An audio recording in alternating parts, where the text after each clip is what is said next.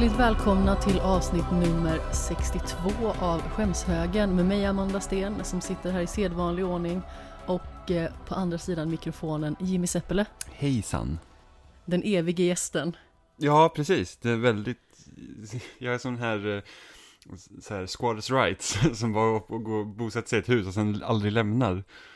Ja men precis. Nu var det ett tag sedan vi spelade in en Skämshögen-episod. Det borde vara ungefär tre veckor sedan. Så vi har tagit en liten paus och det har ju varit så för egen del framförallt. Det har ju varit väldigt intensivt med studier.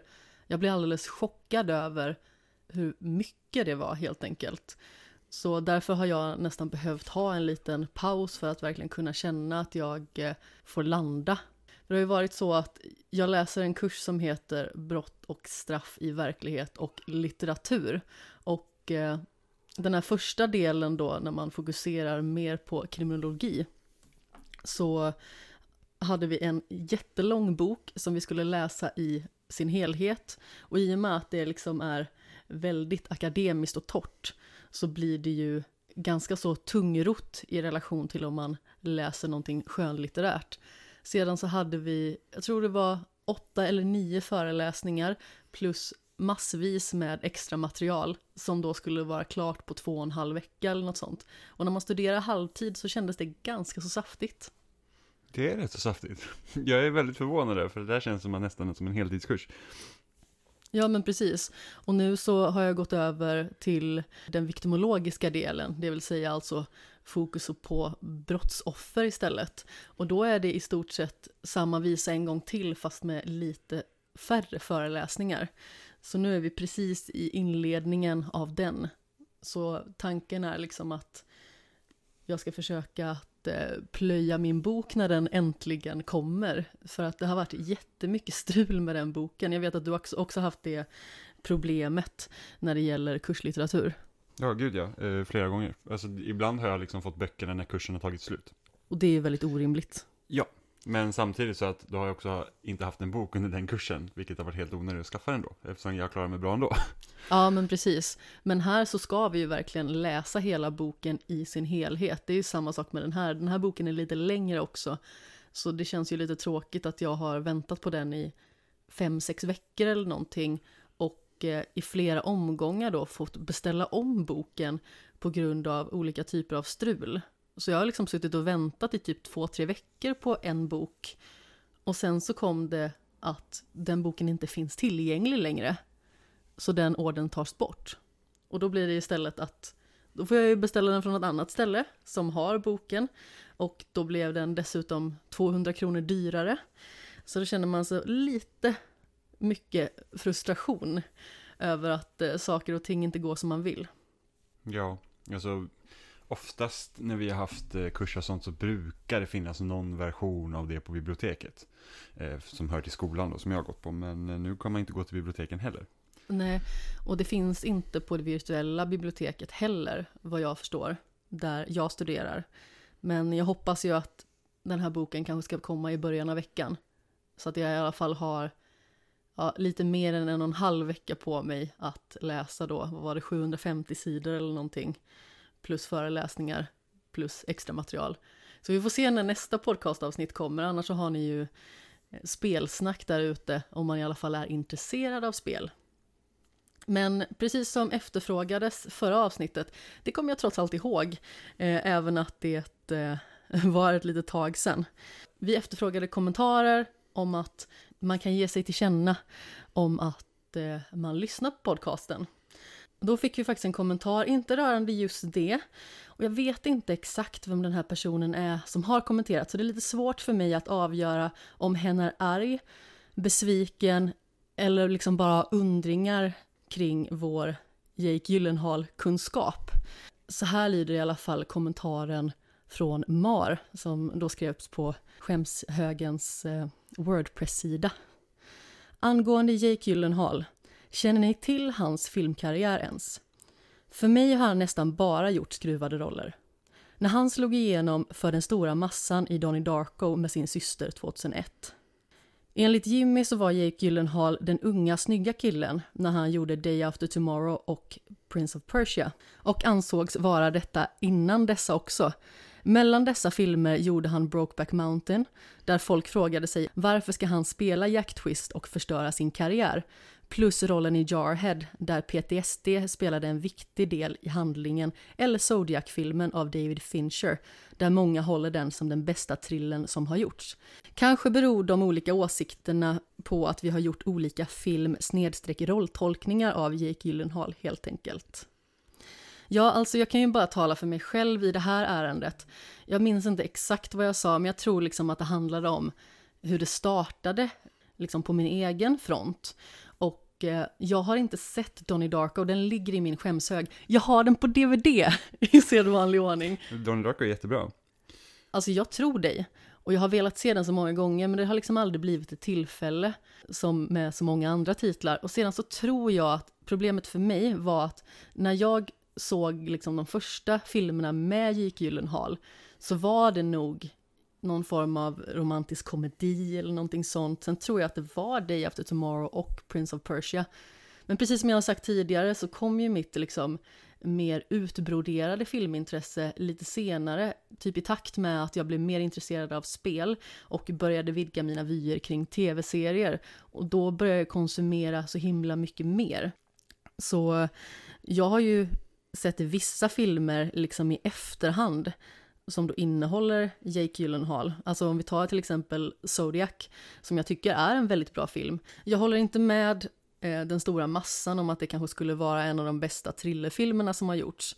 Men det är en väldigt bra film. Sen så tycker jag inte att han gör en så skruvad roll där. Inte på det sättet som många andra roller som han faktiskt har gjort. Utan det är liksom mer en ganska så vanlig människa som får en besatthet då kring det här fallet. Eh, även Brokeback Mountain såg jag ju senare, Jarhead har jag inte sett faktiskt. Men eh, alltså det finns ju många andra filmer där Jake Gyllenhaal liksom spelar mer besynnerliga roller som, eh, alltså som jag håller väldigt högt. Alltså ta Prisoners, alltså då spelar han ju inte vidare skruvad, men han är ju ändå väldigt målmedveten. Och sen så har vi ju Nocturnal Animals som eh, eh, går att tolka på både det ena och det andra sättet. Och även Denemi då, som eh, jag tidigare har nämnt. Eh, ja men alltså personen i fråga har inte fel om att Jake Gyllenhaal började liksom med skruvade roller. Men sen har det ändå gjort en push för att han skulle liksom vara typ någon form av Hollywood leading man. Och jag tror det var min poäng förra veckan. Att det var liksom det som var tanken. Eh, jag läste en artikel som egentligen handlar om Army Hammer som också har hamnat liksom lite i samma fack. Eller fast, eh, vad ska man säga, mer, eh, inte exakt samma utan Army Hammer har haft fler liksom box office-missar än vad Jake Gyllenhaal gjort och han har liksom fått fler chanser om man säger så. Eh, Jake Gyllenhaal har ju nästan då gått mer tillbaks till att liksom fortsätta göra liksom skruvade roller efter liksom till exempel Prince of Persia som inte gjorde jättebra. Eh, och jag tror att det, Day After Tomorrow också liksom var lite av en miss. Ja, alltså för egen del så var det ju liksom inga filmer som lyfte honom som skådespelare på det sättet. Det var ju liksom inga vidare intressanta filmer. Nej men precis, men det, det liksom gjordes ett försök att han skulle vara då liksom en, en stor liksom Hollywood manlig skådespelare som liksom då lyfter filmer. Ja men precis. Eh, och det började med Day After Tomorrow. Eh, liksom ung, snygg och liksom då får vara med i den här liksom filmen då, så tanken att han ska vara en blockbusterfilm. Sen så tror jag att Brokeback Mountain kom väl innan Prince of Persia va? Jag har för mig att den är 2007 och Prince of Persia är 2008 eller något sånt där. Och då är det en vanlig grej för sådana här skådespelare att när, när liksom de är med i en, då en film som tanken är att den ska vara stor, är det att då kanske de gör en lite mer oväntad roll efter. Eh, för att liksom komma typ rätt på banan eller här att oh, men det handlar inte då om att tjäna pengar, det handlar liksom om då för, för konstens skull om man säger så. Eh, Brokeback Mountain kom 2005 och Prince of Persia kom 2010. Det var till med sånt hopp. Men i alla fall, så då, och då man återgår till Army Hammer så liksom hans, eh, han var ju med i den här Social Network som gick relativt bra, men han var liksom ingen huvudkaraktär där på samma sätt. Han som... spelar väl tvillingar där till Precis. och med? Precis, han spelar de som egentligen kom på Facebook då, om man säger så. Eh, och sen så gjorde han den här otroligt hemska filmen, eh, den här cowboyfilmen med Johnny Depp. Lone Ranger. Lone Ranger som är alltså fruktansvärd. Jag tror det, det är nog den enda filmen jag känt att jag, jag borde lämna biosalongen för att den var så tråkig. Och så kände jag med tredje Hobbit-filmen. Och den var typ tre och en halv timme lång den jäkla filmen också. Det finns ingen rim och reson i den längden på den filmen. För att, alltså efter 20 minuter kollade jag på klockan första gången och var så att nu måste vi typ sitta här en och en halv timme eller någonting sånt. Så bara, nej. Och det liksom bara blir segare och segare hela tiden. Var inte det den som din syster ville se och så Jo. somnade hon? Som, alltså, fruktansvärt för att vi valde, jag kommer inte ihåg vilken den andra filmen var. Men vi valde mellan The Lone Ranger och någon annan film som jag ville se och självklart så fick jag ju bara ge med mig för att gå på den film hon ville se och den var så fruktansvärt, hon tyckte inte heller om den, by the way, hon somnade också så att, men alltså usch, den var så hemsk. Men i alla fall, så Jake Gyllenhaal, det gjordes ett försök. Eh, sen att han får göra mer skruvade roller nu, liksom i ett element som han passar väldigt bra på, det är ju bara positivt. Ja men absolut, alltså jag tycker ju att han gör den typen av roller otroligt bra. Men alltså ta även den senaste liksom så här, riktiga storfilmen han var med i, eller som, som ligger liksom närmst då i tankarna, det är ju Spider-Man Far From Home. Där han spelar, um, och nu minns inte jag vad den skurken heter, men det är ju liksom inte heller den, alltså den karaktären. Mysterio. Precis, den karaktären går ju liksom in på hans sätt att spela många andra karaktärer. Den är liksom lite, lite halvgalen kan man väl säga. Så det var, det var den poängen jag gjorde förra, förra avsnittet för att jag hade precis läst den artikeln då. Jake Gyllenhaal var för övrigt en av de bästa grejerna med den filmen. Den Ah. var inte så bra. Nej, de- den var betydligt sämre än, äh, än den första Spiderman-filmen. Homecoming. Precis. Eh, sen så tycker jag väl i och för sig att jag tycker väl att de här MCU Spiderman-filmerna är inte Alltså jag vet att många var det typ bästa Spiderman-filmerna nästan. Eh, men jag känner så att jag tror att de filmerna Du gillar väl Tobey Ja, jag, Maguire-filmerna? jag, jag gillar första, ab- absolut den första Spiderman tycker jag är skitbra. Eh, och Spiderman 2 också. Sen Spiderman 3, nej, den är inte jättebra. Jag har lite svårt för Tobey Maguire. Ja, men jag tyckte han var en bra Peter Parker. Sen tycker jag att första Amazing Spiderman är helt okej och den andra Amazing Spiderman är vedervärdig. Och Då är det väl med Andrew Garfield va? Eh, men jag, jag tycker att när Spiderman, alltså Tom Hollands Spiderman får vara liksom med de andra i Avengers och grejer, då tycker jag att det är skitbra. Men jag tycker hans egna filmer, de, de är, de, de är okej. men det är inte det bästa i MCU till exempel. Alltså, Homecoming var ju hyfsad, Mm. men Far From Home var inte så spännande. Jag Nej. slumrade till där några gånger också. Det var ju den eh, klassiska gången när jag vaknade, tittade på valpen och sluddrade.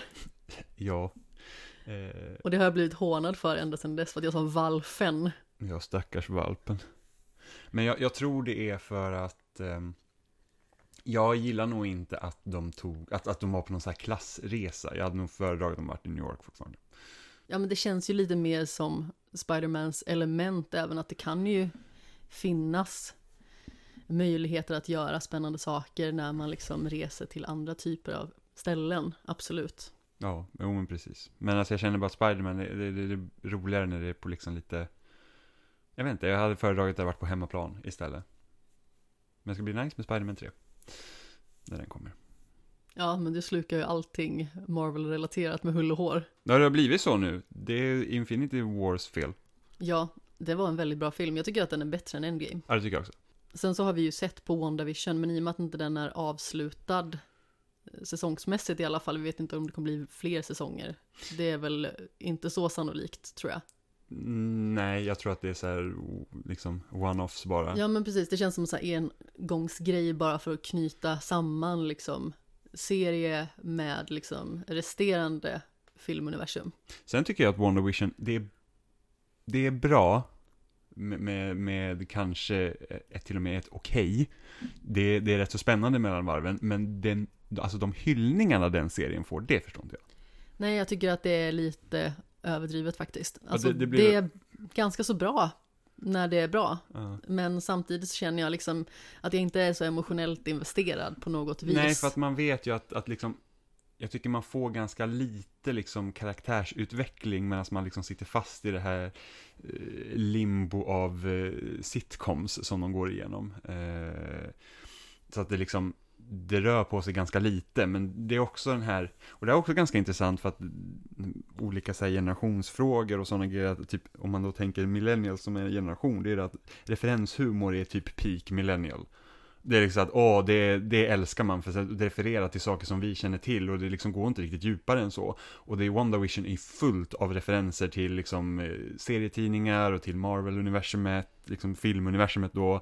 Serier. Och, och, och, liksom att det här, ja, och, och, att det liksom är den här... Alltså tv-serier då naturligtvis, ja, i och med att du nämnde liksom serietidningar. Ja, eh, och att det är den här... Eh, att, att det, det, är så mycket referenser och liksom Easter eggs och sådana grejer man kan hitta där och det får alla att vara så himla eh, exalterade över vad man kan hitta och det är liksom typiskt millennial-tänk, liksom det här med att man man kör väldigt mycket på så här referenshumor, att åh det där känner jag till, men så här, åh if you were a 90s kid, hö hö, liksom. Det är liksom den typiska grejen. Eh, och, och, och det är väl lite, det, det, det, jag kan tänka mig att det är därför, för att det, det till stor del är det den generationen som liksom då recensera den här serien. Ja, men precis. Det kommer ju ett avsnitt varje fredag. Jag vet inte hur lång den första säsongen, eller den enda säsongen om det blir så. Tio avsnitt här för mig att den ska vara, så att vi har kommit hälften. Ja, men precis. Men när den är klar så kommer vi ju garanterat att prata om den. Vi kollar ju även på en serie som avslutas i USA idag, eh, Your Honor med Brian Cranston, som vi också kommer prata om förmodligen i nästa avsnitt då. Med tanke på att vi vill ju ha liksom helhetsperspektivet innan vi faktiskt går in på serien ordentligt. Ja, men precis. Men som sagt, vi ska inte prata så jättemycket mer om det vi inte ska prata om idag.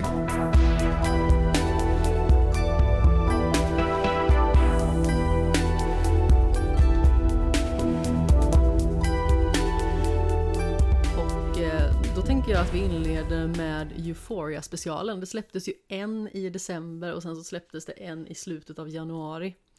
Som mer eller mindre, skulle man kunna säga, är liksom två separata terapisessioner med Rue respektive Jules då.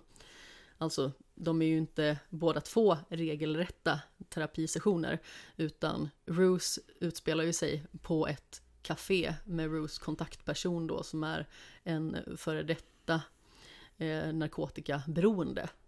Och han hjälper ju henne i hennes liksom väg mot att eh, förbli nykter, helt enkelt. Mm. Och eh, Jules avsnitt som eh, vi såg nu senast, som vi inte har pratat om så mycket, vi pratade ju om eh, Ruse avsnitt när vi pratade om eh, årets bästa och alla de kategorierna som hör till där. Jules såg vi ganska så nyligen, bara för några dagar sedan. Har du några liksom direkta tankar om den? Ja, så det... Om man, om man jämför Rue och Jules mm, så föredrar jag Rues karaktär. Jag tycker att hon är mer spännande. Jag tycker att Jules var lite spårad i första säsongen. Liksom det blev väldigt mycket emellanåt. Eh, men jag känner liksom att de här, eh, de här avsnitten när man liksom fokuserar på varsin karaktär så tycker jag att de går verkligen in på det som gör serien så himla bra. Och det är liksom karaktärernas djup, mer eller mindre. Och hur de känner och vad som har hänt.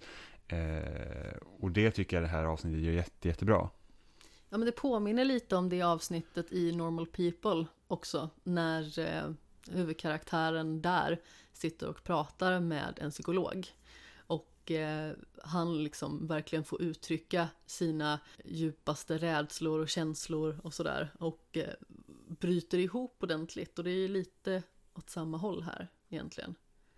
Man får verkligen eh, se Jules inre, hur hon tänker, hur hon känner. Och eh, dessutom därtill hur hon liksom känner inför sin transformation då från man till kvinna. Mm, men också det här att man liksom är ett, ett, tvekar inför sina val man har gjort. Det här liksom att man säger att okay, har jag gjort rätt? Och sen liksom så här, av vilken anledning har jag gjort de här sakerna? Jag tyckte det var väldigt liksom bra så att där, då har vi liksom en, en, en transkvinna då som helt plötsligt lär inser att jag liksom, många grejer jag har gjort har jag gjort för att få typ uppmärksamhet av män. Mm, hon har liksom formats utifrån det ideal ja, som män har. Precis, om, om kvinnor om då. Kvinnor, precis. precis. Och det ju, och det kan jag ju tänka mig kan vara ju rätt, alltså svårt om man är liksom i den positionen att man liksom då vill liksom då känner att man är liksom uppvuxen som man och sen känner sig att nej men jag är egentligen en kvinna då, att man du är fortfarande uppfostrad som en man också. Mm. Och jag måste tänka mig att den den liksom vad ska man säga Alltså det blir en väldigt omställning, det blir en helt annan liksom kultur nästan. Liksom så att, okej okay, men jag har liksom blivit uppvuxen med det här sättet att tänka och liksom så här har det sett ut tidigare med könsroller och allting och sen nu blir det helt tvärtom. Man, liksom, man slår nästan på ända. Eh, och då liksom det här med att jag är inte uppvuxen som kvinna och då tror jag att det är så här det ska gå till. För att man inte har den, alltså de upplevelserna. Nej men precis. Och hela den här grejen då med att hon vill ju transformeras för att kunna få vara sig själv. Men på vägen så har det liksom inte blivit så ändå. Nej. Bara för att hon har utgått så mycket liksom ifrån samhällets kvinnoideal. Mm. Och det är verkligen ett jätteintressant perspektiv att få se. Ja men exakt och sen liksom hela den här biten att hon just därför då vill sluta upp med att ta sina hormoner. Mm. Eh, sen så tycker jag så spännande också med de här två avsnitten är hur de har varit mycket mer jordnära än själva serien. Serien är ju liksom väldigt glammig, kan man väl säga. men alltså den är liksom såhär, det är upphåsad, det, det är liksom, det är överdrivet sminkande och det är nästan som att det finns ett rosa skimmer över, eh, över hela liksom serien. Alltså den, den, den blir ju väldigt uppmärksammad på grund av hur, hur, hur den ser ut. Ja men precis, alltså den har ju ett mörker och den har ju liksom en grund som är väldigt mörk. Mm. Men samtidigt så har den ju liksom ett väldigt skimrande yttre. Mm, och sen och nu kokar den liksom bara ner till dess viktigaste beståndsdelar, vilket är då liksom Rue och Jules och deras karaktärer och hur de känner. Eh, vilket liksom, de tar verkligen an på seriens styrkor i de här två avsnitten, vilket jag tycker är väldigt kul. För att jag, eh, för det vet jag när vi diskuterade första säsongen var ju det att jag ogillade väldigt mycket att den här eh, Tyler, tror jag han hette va? Eh, typ som blev antagonisten i serien. Ja, han heter väl egentligen Nate va? Nej, är det Nate? Ja, det var det jag tänkte. Jag har för mig sen... att uh, Tyler är hans... Uh... Det är hans uh, fejknamn. Ja, precis. Ja, men det är bara att Nate är så himla skurknamn överlag tycker jag i sådana här ungdomsserier. Det är alltid någon som heter Nate som ett as. One Tree Hill. Ja, och sen typ Gossip Girl och allt. Alltid någon Nate som är as.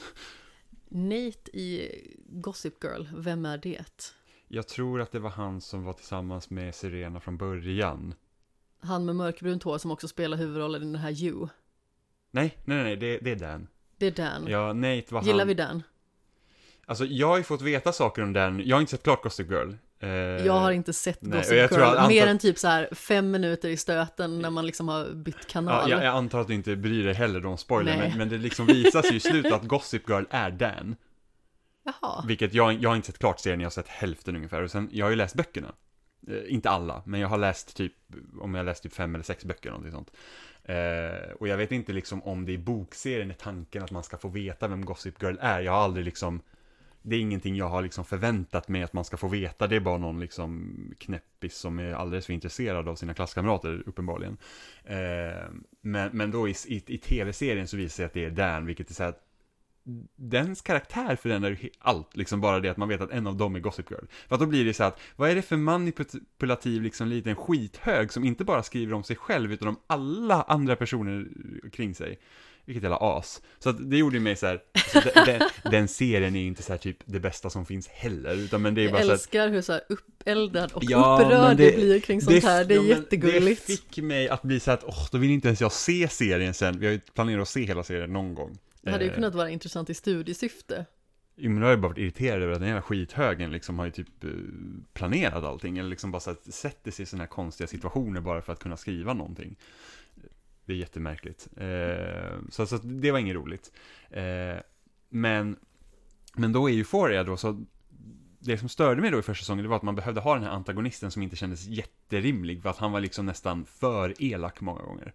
Det, liksom, det blev så här att det där behövs inte för det, det blir som en det tar bort från det som gör serien riktigt bra och intressant genom att ha en person som Nate. Att liksom vara typ, alltså bara riktigt jäkla vidrig på ett sånt sätt som jag inte känner rimligt. Alltså det, det liksom, det stör relationen mellan karaktärerna.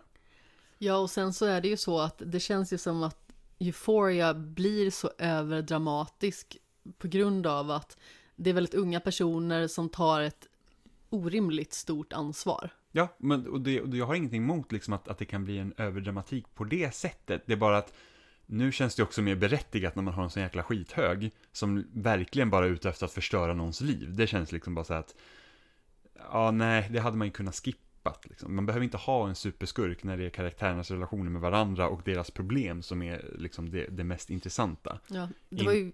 Inte Oj, att man försöker sätta dit någon annan. Nej men precis, det var ju det som jag verkligen gillade just med sex education i relation till euphoria.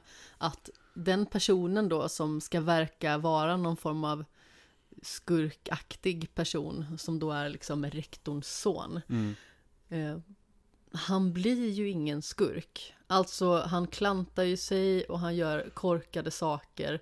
Men han är aldrig liksom en onding som försöker liksom att förstöra hela det liksom lilla samhället på något Mm. vis. Men det är bara för att han är en precis lika viktig karaktär som de andra. Han Ja. blir liksom att, okej, den här är ett svin, vilket det finns svin Ja. överallt.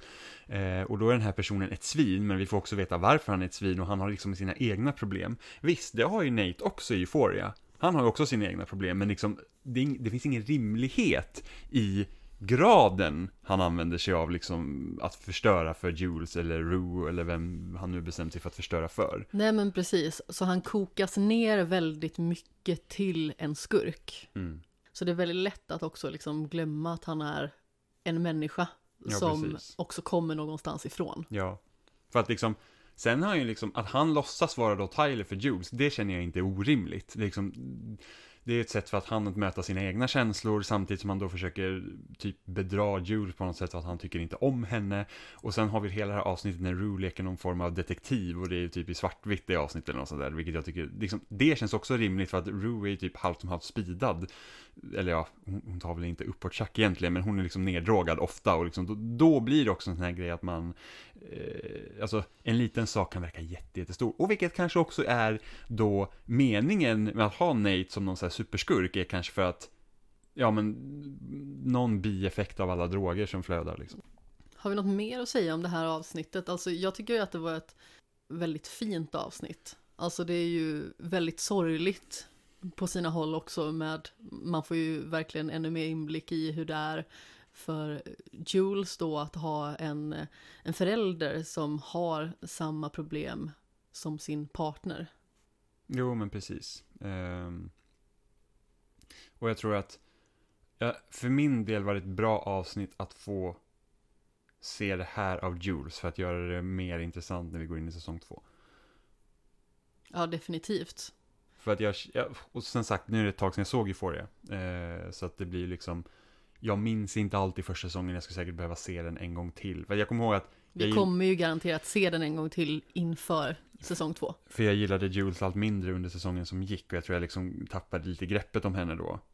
Eh, och, jag, och det här avsnittet var verkligen för att jag tänkte så att, ja men jag gillar Rue-avsnittet, jag, får jag får se liksom hur Jules-avsnittet då ska väga upp, men jag tyckte nästan att det var bättre. Det var viktigare om inte annat för att det är liksom väldigt lätt att glömma av lite vad som gör Jules så bra som karaktär. Mm. I och med att hon gör sådana grejer som man själv inte tycker om. Och som skadar då den andra huvudkaraktären. Mm. Fast det gör ju Rue också, hon gör ju också saker Ja, som ja. skadar sin omgivning hela tiden. Ja men precis, alltså hon nästan ger sig in för det ibland. Men det var också en sån här kul grej tycker jag, när Euphoria började var det här med att, ja men Rue håller på att ta droger, och liksom hon har varit på rehab, och sen så var det liksom, det var liksom med den här infallsvinkeln var att hon tänker inte sluta ta droger. Liksom bara en sån grej, så bara, I don't give a fuck. Jag, liksom, jag tycker om det, så det tänker jag fortsätta med. Istället för att det är så att, oh, hon ska försöka bli bättre. Sen så händer ju det under seriens gång ändå. Men liksom det här med att det var inte infallsvinkeln från början var liksom det här att, åh, nu har hon fuckat upp och nu ska hon liksom försöka bli bättre. Utan det var bara Mm. så att jag tänker fortfarande fucka upp för att jag tycker om det typ. Ja, och hon hittar ju någonstans en anledning att försöka bättra sig. Ja, absolut. Så att det blir ju det, men liksom att, att det inte är den här typ klyschiga grejen som det brukar vara i den här typen av serier. Nej, men det är ju det som är väldigt intressant i Jules avsnitt också. Att Jules verkligen känner att Rues nykterhet vilar liksom så mycket på hennes axlar på något vis. Att eh, anledningen till att Rue är nykter det är för att hon får spendera tid med Jules. Jag minns inte om det stämmer eller inte, för jag, jag kommer ihåg när jag såg det nu i den här avsnittet så var det så här att jag kan förstå att hon tror det, men jag vet inte om det nödvändigtvis stämmer. Nej, det är mycket möjligt. För jag tror att Rue fick en... Hon halkar väl tillbaka efter att hon och Jules blev osams. Tror jag det blev. Jo men precis, och det är väl förmodligen därför Jules Hon känner, känner att- liksom att att, nu är vi osams och nu ses inte vi. Och då faller hon liksom tillbaka i träsket och då känner hon liksom att hon får skuldkänslor kring det. Och att det liksom blir ett skuldbeläggande från Rues sida som kanske egentligen inte stämmer överens med verkligheten. Men verkligheten från deras båda sidor är ju subjektiva eh, och inte unison. Mm. Precis som i verkliga livet. Ja, precis. Men vi har ju sett lite annat också, om du inte har något mer att säga om eh, Nej, jag Euphoria. har ingenting. Vi såg ju en väldigt bra film. Nu avslöjar jag redan från början vad vi tyckte om den, men vi såg en film som heter Official Secrets. Som eh, handlar om en kvinna som heter Catherine Gunn, som är en brittisk underrättelsespecialist, tror jag att man skulle vilja översätta det. Ehm, hon jobbar med liksom att rutinmässigt hantera sekretessbelagd information. Från regeringen då. Ja, men precis. brittiska r- regeringen. Ja, eh, och så en dag i alla fall när hon är på jobbet så kommer ett memo, eller vad man ska kalla det. Ett meddelande helt enkelt från NSA med då direktiv om att eh, USA anlitar Storbritanniens hjälp för att samla in komprometterande information om FNs säkerhetsrådsmedlemmar för att utpressa dem för att rösta för en invasion av Irak. Ja, för att få tillåtelse att starta kriget i Irak. Exakt. För att de har då probable cause, vilket inte stämmer. det här gör ju henne väldigt upprörd. Varpå hon läcker den här informationen till en tidning. Mm. Som eh, då naturligtvis sprider den här informationen. Det blir utfrågning på hennes jobb och eh, till en början så eh, håller hon ju tyst. Men eh, erkänner sedan att det här är hon som har läckt den här informationen bara för att på något vis försöka att eh, skydda sitt hemland. Mm. Och eh, det här är baserat på verkliga händelser. Om inte det framgick i min eh, innantilläsning någorlunda från eh, eh, någon form av eh, förklaring till vad Official Secrets handlar om. Jag tyckte att det var en eh, otroligt bra filmatisering och eh, Keira Knightley som då spelar Catherine Gunn gör ett strålande jobb. Mm, hon var faktiskt väldigt bra i, i den här filmen. Alltså Keira Knightley är en jäkligt bra skådis ändå. Ja, men det känns som att hon har hamnat väldigt mycket i facket kostymdrama av någon anledning. Alltså jag tror inte att hon kanske har gjort så jättemånga sådana Nej, så Det är egentligen filmer. bara stolthet och fördom och sen om man kan kalla Pirates-filmerna för någon form av kostymdrama. Ja, det vet jag inte, men sen så var det ju den här eh, försoning också. Det är väl inget kostymdrama på det sättet, men det är väl ett historiskt drama, Mm. kan man väl säga. Jag vet inte, i, i mitt huvud så känns det som att hon har blivit någon form av kostymdrama skådespelerska, även att det liksom inte stämmer. Men jag kan liksom inte på rak arm komma på någon så här kanonfilm som jag har sett henne i liksom på senare år. Nej, hon hamnar lite i skymundan känns det som.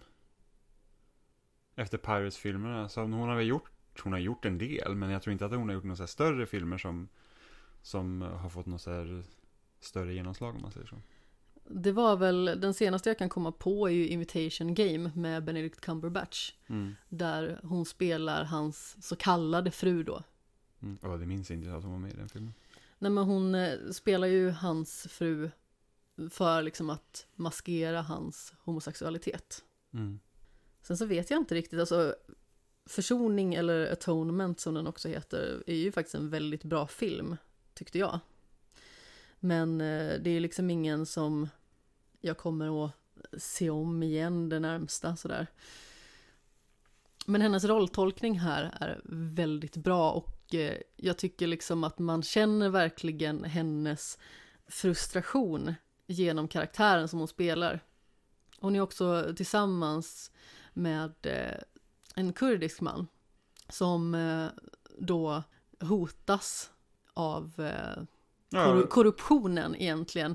Och eh, då är tanken att han ska sändas tillbaka. mm, men för det är bara för att han, han är liksom mörkhyad och eh, kommer liksom då från det öster om eh, om världen och då liksom antar de bara att det är han som har påverkat henne för att typ sälja eh, regeringshemligheter. Ja, men precis. Och det stämmer ju inte. Nej, men det är liksom utbredd rasism helt enkelt. Ja, nej men exakt. Bara på grund av hur han ser ut. Och det är också Eh, liksom en hotelse mot henne för att eh, Var tyst. vara tyst. Exakt. Mm. Men hon väljer ju liksom att ta ett ställningstagande emot det och eh, liksom fortsätta att eh, vandra på den stigen som hon har valt. Och hon blir ju ställd inför rätta. Mm. Och eh, det är ju någon form av eh, privat aktör inom advokatsbranschen då som eh, erbjuder sig att ta hennes fall. Mm. Jag tror att eh, advokaten som liksom leder fallet hette Ben Emerson, då spelad av Ralph Fiennes, Mm. som också gör en väldigt bra roll. Mm. Alltså det är ju väldigt många bra brittiska skådespelare som är med i den här filmen. Vi har ju Matt Smith till exempel som eh, då spelar eh, journalisten som eh, då uppmärksammar det här fallet. Ja, och sen Rice Ivans. Ja, Som spelar också en journalist, eller deras eh, USA-korrespondent för den tidningen då, så att han befinner sig i, i eh, Washington tror jag. ja Matthew Good är med också.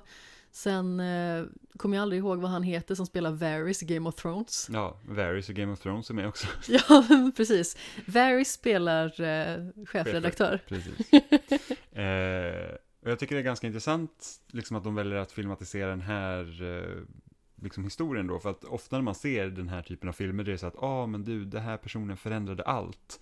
Eh, och det blev så bra efter det här, men liksom hennes, vad ska man säga, uppoffring, det ändrar ju inte USA från att gå in i Irak. Det händer ju ändå. Ja, men exakt. Eh, men det är också viktigt att belysa det för att det är så många personer som fortfarande liksom inte vet om att hela Irakkriget är liksom bara en stor bluff. Alltså inte, inte bluff att kriget inte existerat, men liksom anledningen till att gå in dit var liksom helt fabricerade.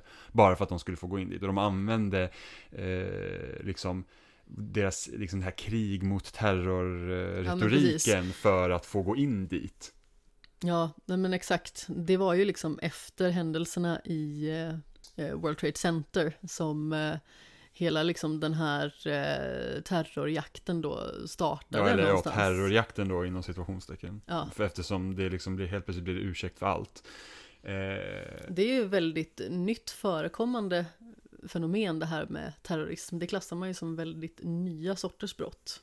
Ja, precis. Det är, inte- det är inte det är inte lika gammalt som tiden liksom i sig självt. Eh, med tanke på med ny, ny teknologi och sådana grejer som gör det möjligt. Mm.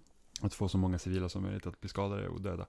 Eh, men det är ju, alltså det är samma sak nu. Det, det är ett spel som ska släppas eh, som heter eh, Six Days in Fallujah eller något sånt där. Eh, som ska då eh, Eh, beskriva händelserna i Fallujah där alltså det pågick verkligen hemska händelser med där eh, amerikanska soldater och säkert brittiska också begick liksom krigsbrott eh, och dödade liksom civila hur mycket som helst. Och det spelet då sätter en typisk amerikansk spin på det med att visa att åh nej, de hjälpte till i det här, den här staden och typ befriade irakierna från hemska Saddam och liksom helt liksom gör en omskrivning av historien. Eh, som man, som, som, och det här spelet skulle släppas för 11 år sedan. Utannonserades det och det liksom lades eh, ner av, jag tror om det var Konami som var utgivare eller något sånt. Eh, just på grund av att liksom så här, Undrar varför? Ja, men det är så här att det här är liksom, och då tror jag att pitchen från början var väl inte samma USA-propaganda som det är idag verkar vara av spelet, att döma då, jag jag har inte spelat det själv och man har bara fått se en trailer, men i alla fall att, att någon tar upp den här liksom eh, händelsen igen, eller det här spelet igen, för att liksom på något sätt visa någon form av, det blir som amerikansk propaganda och visa att nej men alltså irakierna ville att USA skulle vara där, eh, vilket inte heller stämmer. Eh, och det är liksom, och det, det, det, ser man ju på Twitter liksom, jag följer en på Twitter som, han har ju liksom, han har någon egen spelpodcast i USA och sådana grejer, men han var ju liksom i Irak eh, flera gånger under, under kriget. Eh, och han var också i Fallujah, där han liksom sa att, liksom att så som det här verkar liksom visas, det liksom stämmer inte, bla bla. Och det är så många som argumenterar emot honom och säger nej, men alltså det är USA, de bara slogs mot ondska typ och sådana grejer. Så att det, det är liksom en stor del amerikaner som tror att kriget i Irak var helt rättfärdigat. Och det är ju liksom, och där ser man ju liksom vilken, vad ska man säga, makt propaganda har. Eh, Ja, men sen så är ju USA ett väldigt mäktigt land också som är väldigt bra på att vända på situationer till liksom sin egen fördel. Ja, absolut. Det är ju liksom det här med att USA ska vara någon form av världspolis. Eh, och, och liksom man säger att ja, men USA går in hit för att de ska liksom då rätta till någonting. Eh, och det, det är liksom inte som att Vietnamkriget var också en riktig liksom skitsak. Det liksom var helt eh, absurt. Det liksom bara skickade folk dit som alltså bara dog i, i drivor liksom. Ja, På grund av inget vettigt alls. Och då var det, liksom, då var det inte terrorismen, då var det kommunismen man skulle bekämpa istället. jag kommer bara tänka på Deer Hunter. Det var en av de tyngsta filmer jag har sett någonsin. Har du sett den? Nej. Den, den är ju väldigt lång och eh, väldigt mentalt nedbrytande. Mm. Nej men det, det, är, det är ganska intressant sånt där. Eh, för jag tänker också det här med att, Du är mer insatt än vad jag är, uppenbarligen. Det hörs ju också men jag, jag tänker bara på det här med att man, eh, för att det är också något när man skriver liksom på, för att jag är medlem på amerikanska spelsidor, eller ja, det är, det är primärt amerikansk spelsida liksom olika poddar man lyssnar på som är då det är amerikaner som gör dem, men sen när man hamnar i kommentarsfältet, ibland så argumenterar man mot då amerikaner, eller de sådana som bor i USA. Eh, och jag kommer ihåg det här när, när Medal of Honor fick typ en soft reboot eh, i början av 10-talet. Eller om det var slutet av 2000-talet, jag minns inte. Eh, men då, då var det så att, då handlade det också om att man åkte till, det spelet utspelar sig till viss del i Afghanistan. Eh, och det blir ju en så otroligt stor kontrovers över att i multiplayer så spelar du amerikaner mot talibaner. Och det var ju otroligt hemskt då att talibaner, att man kunde spela som en taliban och skjuta då amerikaner. Eh, och det var ju liksom stora hetska diskussioner här om, om sådana som var väldigt så här typ, ja men, man tänker på den här sidan som är väldigt mycket så här, oh, second amendment och sånt där, du vet, jag ska ha mina vapen och USA är bäst och fuck yeah America och sådana där grejer. Och det var liksom så här, och, och jag var ju mer så här, ja men alltså, ser du liksom inte, alltså, okej, du tycker att det är hemskt att du kan spela som en taliban och skjuta amerikaner, men du har inga problem med att spela som amerikan och skjuta muslimer. Eller bruna människor överlag. Liksom, eftersom det till stor del av de militärshooters vi har fått under 2000-talet var, var liksom väldigt präglade av eh, 11 september och att liksom, hej, nu har ju inte ryssen den primära fienden längre, utan det är då folk från Mellanöstern. Eh, för att det är så där en terrorist ser ut. Den Ja, har turban precis. och den har stort skägg och den liksom, eh, ja, är liksom muslim helt enkelt, i Ja, princip. men precis, man har ju nästan liksom fabricerat en stor bild av liksom vad en terrorist faktiskt är.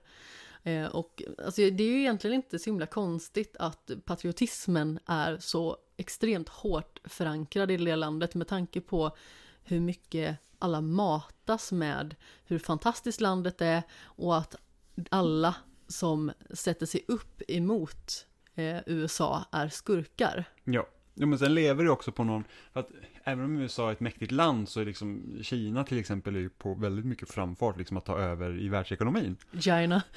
Ja, som vissa säger. eh, ja, och då, Så skönt att han är borta bara. ja.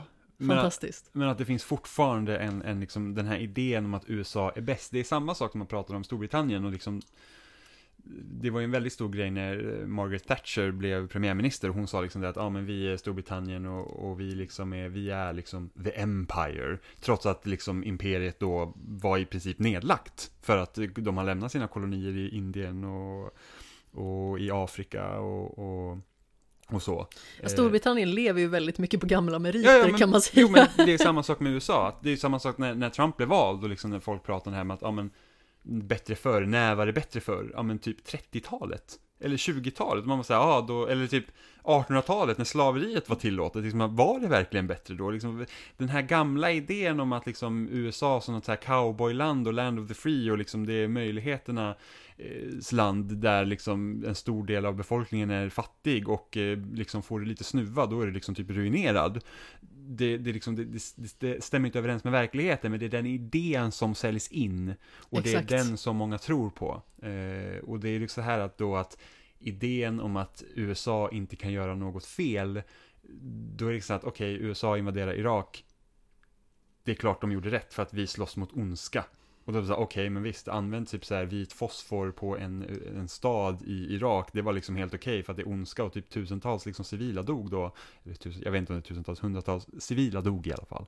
Kvinnor, Man kan säga att det var många. Många, många dog och liksom då sånt som går emot Genèvekonventionen. Så att det är liksom så här att är, liksom, är man då det bästa som finns där? Är liksom, okej, kan du använda vilka medel som helst för att slåss mot ondska och vilka är då onda? Det, det beror ju helt på vilket perspektiv man ser från det. Och det var ju också någonting som jag argumenterade på de här Facebookgrupperna var ju det att när, när man säger att varför sätts alla militärshooters i USA? Ja, men det är bara för att, alltså den här typiska argumentationen om att, ja men om spelet ska sälja bra i USA, då måste man se från amerikaners synsätt för att marknaden i USA är så stor. Och man säger att okej, men resten av världen som alltid måste se från amerikanernas synsätt då? Det är liksom, tror inte du att det finns ett värde att se perspektivet från någon annan än ert eget? För att uppenbarligen så blir ni bara liksom födda massa lögner. Eh, Jo men precis, och det som blir så himla fel är ju precis som du säger liksom att man rättfärdigar att eh, ta livet av oskyldiga människor och eh, skada oskyldiga människor, göra dem hemlösa, bara för att de inom citationstecken då är på terroristernas sida. vilket inte stämde. Nej, Alltså, det- exakt. För det var ju också det att man, man sa ju att oh, man gick in i Fallujah för att rensa ut talibanerna, men talibanerna kom dit sen. Efter att USA hade gått in. Så att det är liksom, det, det, alltså det, det är en omskrivning av historien utan dess like liksom. Bara för att liksom, ja men, det här ser bättre ut för oss. Var det inte också den här filmen som vi såg med Adam Driver för ett tag sedan? The Report bearbetade väl en del kring det här också, liksom om eh, hur eh, USA behandlar tortyr. Ja men precis. Och jag tror Adam Driver också var väl i Irak. Som eh, soldat. Jaha, Ja, han, han har varit med, med i militären. Innan han blev skådespelare. hade jag faktiskt ingen aning om. Jag undrar om inte han var i Irak. Men jag kan inte säga säkert om det var där han var. Eller om han var i Afghanistan.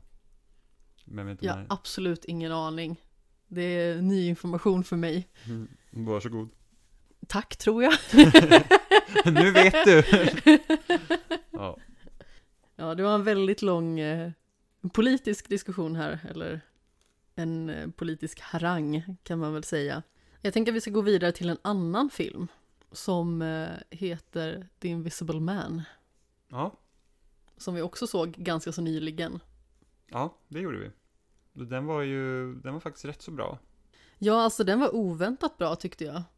Alltså det är ju en skräckfilm som tar liksom och vrider och vänder på skräck lite grann. Det handlar ju om en, en kvinna som bor med en man i mångt och mycket mot sin vilja och hon flyr därifrån och eh, liksom bosätter sig på en eh, hemlig adress för att eh, liksom hålla sig undan gömd från den här manipulativa och eh, i många fall våldsamma personen. Mm. Huvudkaraktären då Cecilia som spelas av Elisabeth Moss. Ja, och sen dör han. Han dör ju. Precis. Direkt efter att hon har anlänt i mångt och mycket till eh, en polis och eh, hans dotter där hon då ska få bo så eh, visade det sig att eh, Adrian, som den här skurkaktiga pojkvännen då heter, har begått självmord. Och eh, hon ska då få liksom ärva hans förmögenhet. Mm. Problemet är att hon börjar bli hemsökt, upplever hon det som då, Mm. eh, av Adrian. Och eh, han har liksom en väldigt framstående karriär inom optiken och att liksom skapa optiska illusioner. Mm. Därmed så gör hon antagandet att han då har lyckats göra sig själv osynlig på något vis. Och att han på så vis hemsöker henne. Att han egentligen inte är död. Och att eh, hans bror då, som eh, gick igenom hans testamente med Cecilia och eh, hennes syster. Mm. Alltså det jag tycker var så intressant med den här filmen var att den vrider och vänder på, på liksom skräcktemat då. För att man, alltså den, den liksom eh, lindas ju först in som att det vore någon övernaturligt spöke som är ute efter henne. Ja men exakt, och det är ju väldigt så klassisk skräck. Mm. Och det är ju väldigt obehagligt också med saker som är osynliga. Det kan ju få vem som helst att bli paranoid.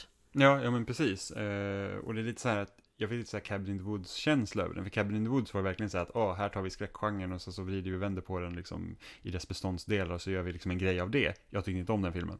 Eh, men den var ju väldigt hyllad på grund av det, liksom att det var så att, ja men, det är typ, alltså man skulle kunna säga att den liksom skräck, eh, där vart den utspelar sig blev nästan som ett escape room-liknande grej, att det var liksom ett, ett mer, mer eller mindre ett spel för de som producerar det här. Eh, så att så att, och, och, och, i slutet av den filmen så fick man se liksom massa olika klassiska eh, skräckmonster och skurkar Precis. och sånt bara för att, så att man sett, åh, varenda skräckfilm då är liksom producerat av den här liksom då gruppen människor, exempelvis.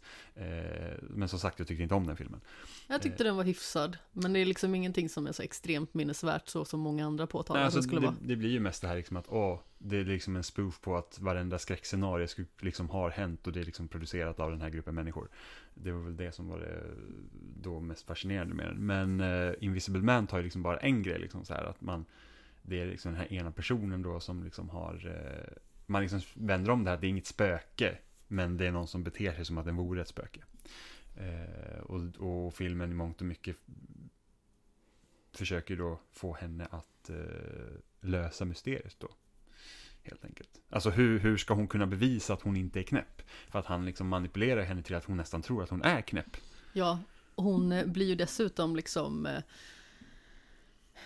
tillfångatagen för att hon är ute på restaurang med sin syster och helt plötsligt kommer en kniv flygande och eh, skär halsen av systern till exempel. Mm.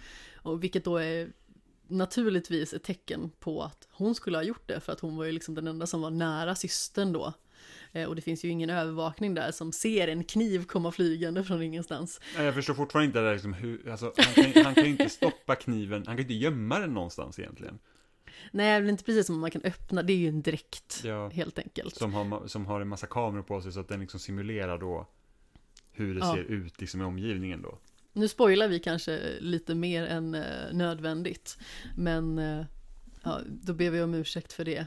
Förhoppningsvis så har man sett mm. det Invisible Men, men alltså, det var verkligen alltså, för att det var så att någonstans måste ju synas att det kommer en kniv flygandes liksom. Om man inte typ har hasat sig längs marken med den här kniven så här, sh, sh, sh. Bara liksom försiktigt. Lagt sig på kniven. Ja men typ. Jag får, du vet hur barn så här drar sig fram på rumpan så längs ja, med golvet. Ja. Den tänker jag, alltså han liksom, Lite så. kniven mellan skinkorna. Ja. Nej men hon blir ju liksom eh, naturligtvis gripen och eh, sätts in på en eh, mentalvårdsinstitution. Mm. För att hon uppfattas ju naturligtvis som eh, helt eh, världsfrånvänd. Då liksom att den här eh, personen då som har begått självmord då på något vis skulle kunna komma tillbaka och hemsöka henne via teknologin. Mm. Och det är ju massa andra sådana märkliga saker som händer under tiden. Exempelvis så polisen som hon bor hos uppfattar ju det som att eh, Cecilia då slår dottern i ansiktet medan det då egentligen är eh, den osynliga mannen mm. som är skurken. Och jag var lite osäker på vilken väg de skulle gå här, om det faktiskt skulle vara liksom den osynliga mannen eller om det faktiskt är bara i hennes huvud. Men jag antar att det är det som de liksom vill att man ska känna eller tro. Mm. Liksom att är hon på väg att bli galen?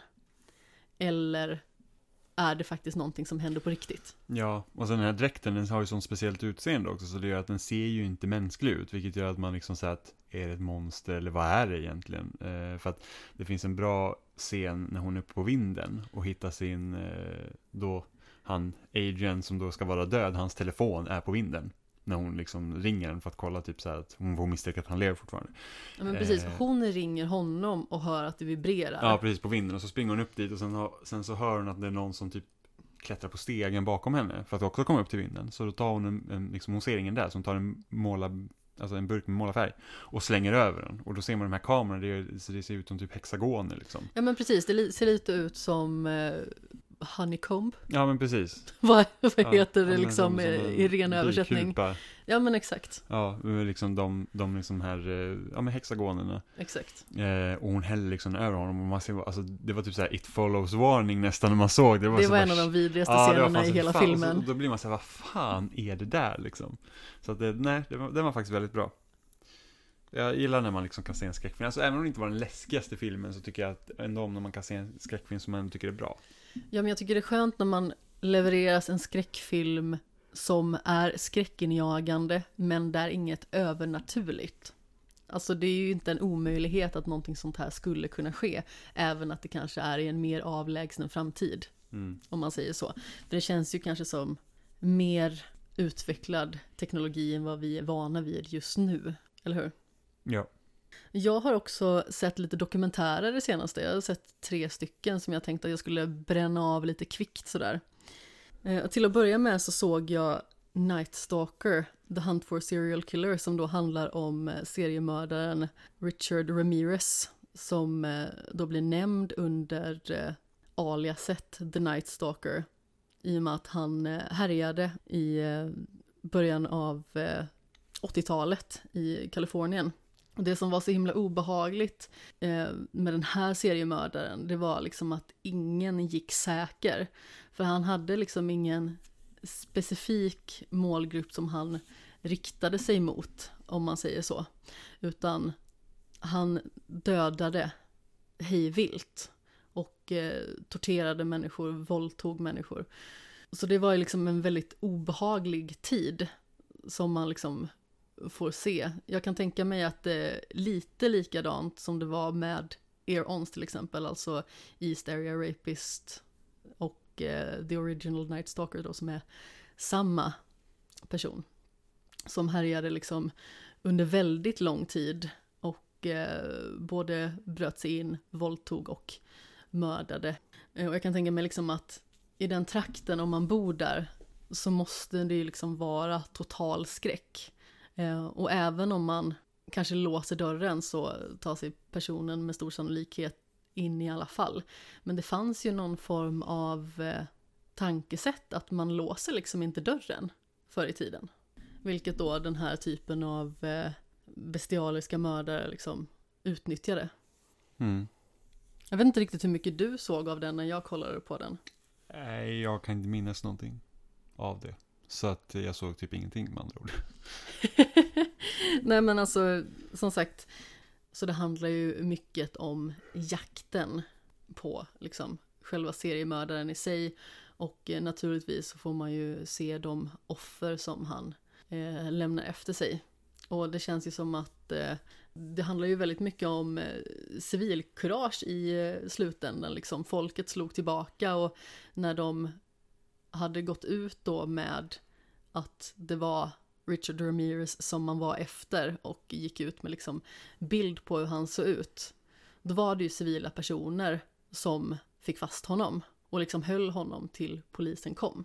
Mm. Så det är väl också någon form av så här civil kuragevinst på något vis att eh, du ska liksom inte försöka hemsöka oss längre, nu har vi det äntligen. Och eh, det fanns ju så mycket bevisning mot honom som eh, gjorde att det var ganska så enkelt att sätta honom bakom lås och bom. Mm. Det är så sjukt, man får göra så här citizen arrest. Mm. Du får liksom hå- hålla någon. Eh, jag, vet, jag vet inte hur det fungerar i Sverige, vi har någon liknande version, men i USA är det så om det någon, har polisen liksom gått ut med att den här personen vi söker på så kan du faktiskt liksom då anhålla personen och sen vänta in.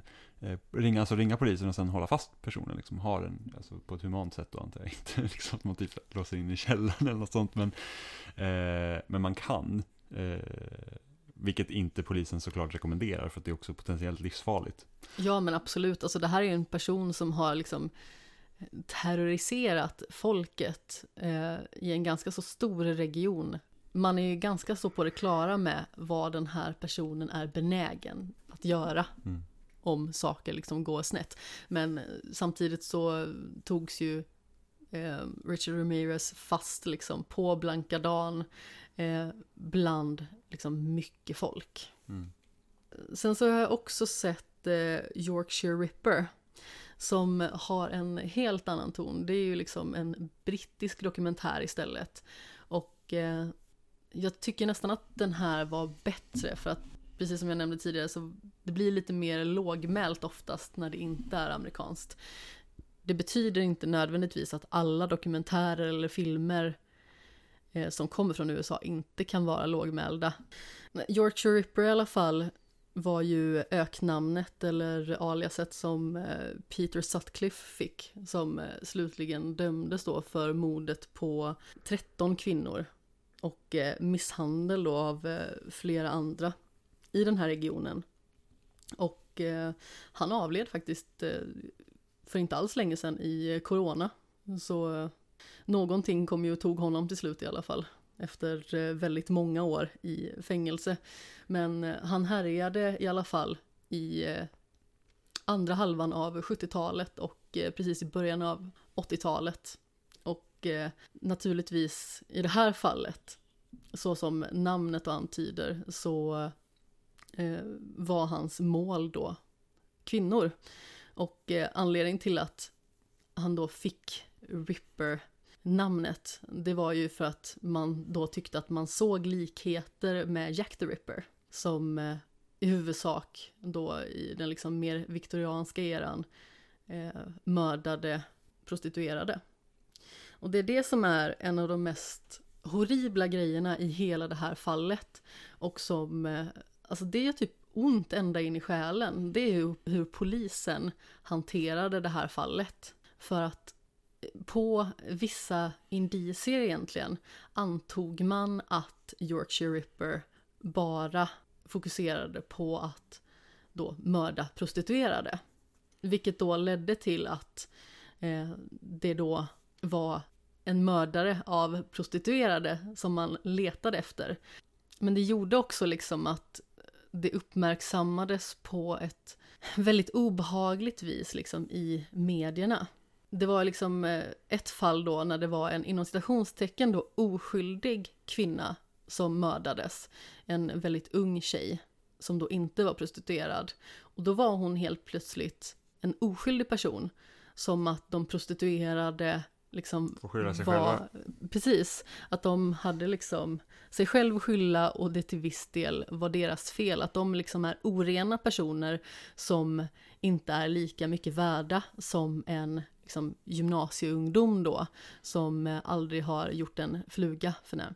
Och på grund av att man fokuserade just mycket på den här prostitutionsbiten så gjorde det också att man missade väldigt många kopplingar till andra fall som hade kunnat gjort att eh, Peter Sutcliffe då hade blivit tillfångatagen mycket tidigare och eh, det haveri som den här utredningen var Alltså det är nästan alltså, typ bibliska proportioner om man får säga så. För att de klantade bort det här fallet så otroligt mycket.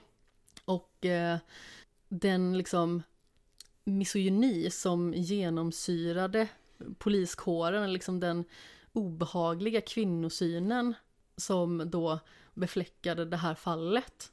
Alltså det är helt sjukt att det verkligen liksom får gå till så.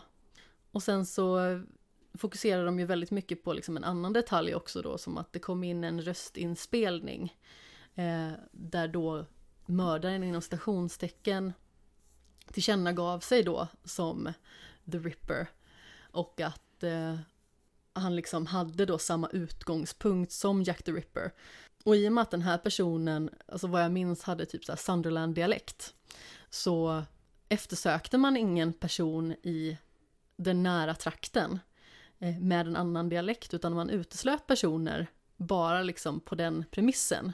när, när det liksom kom fram då att den här eh, inspelningen var helt falsk, eh, då hade man ju slösat så himla mycket tid och resurser på fel saker. Och det visar ju sig att den som faktiskt var den faktiske mördaren hade de intervjuat hur många gånger som helst, men uteslutit på grund av liksom Alltså helt fel grunder. Passar inte profilen då? Så de liksom Nej men exakt.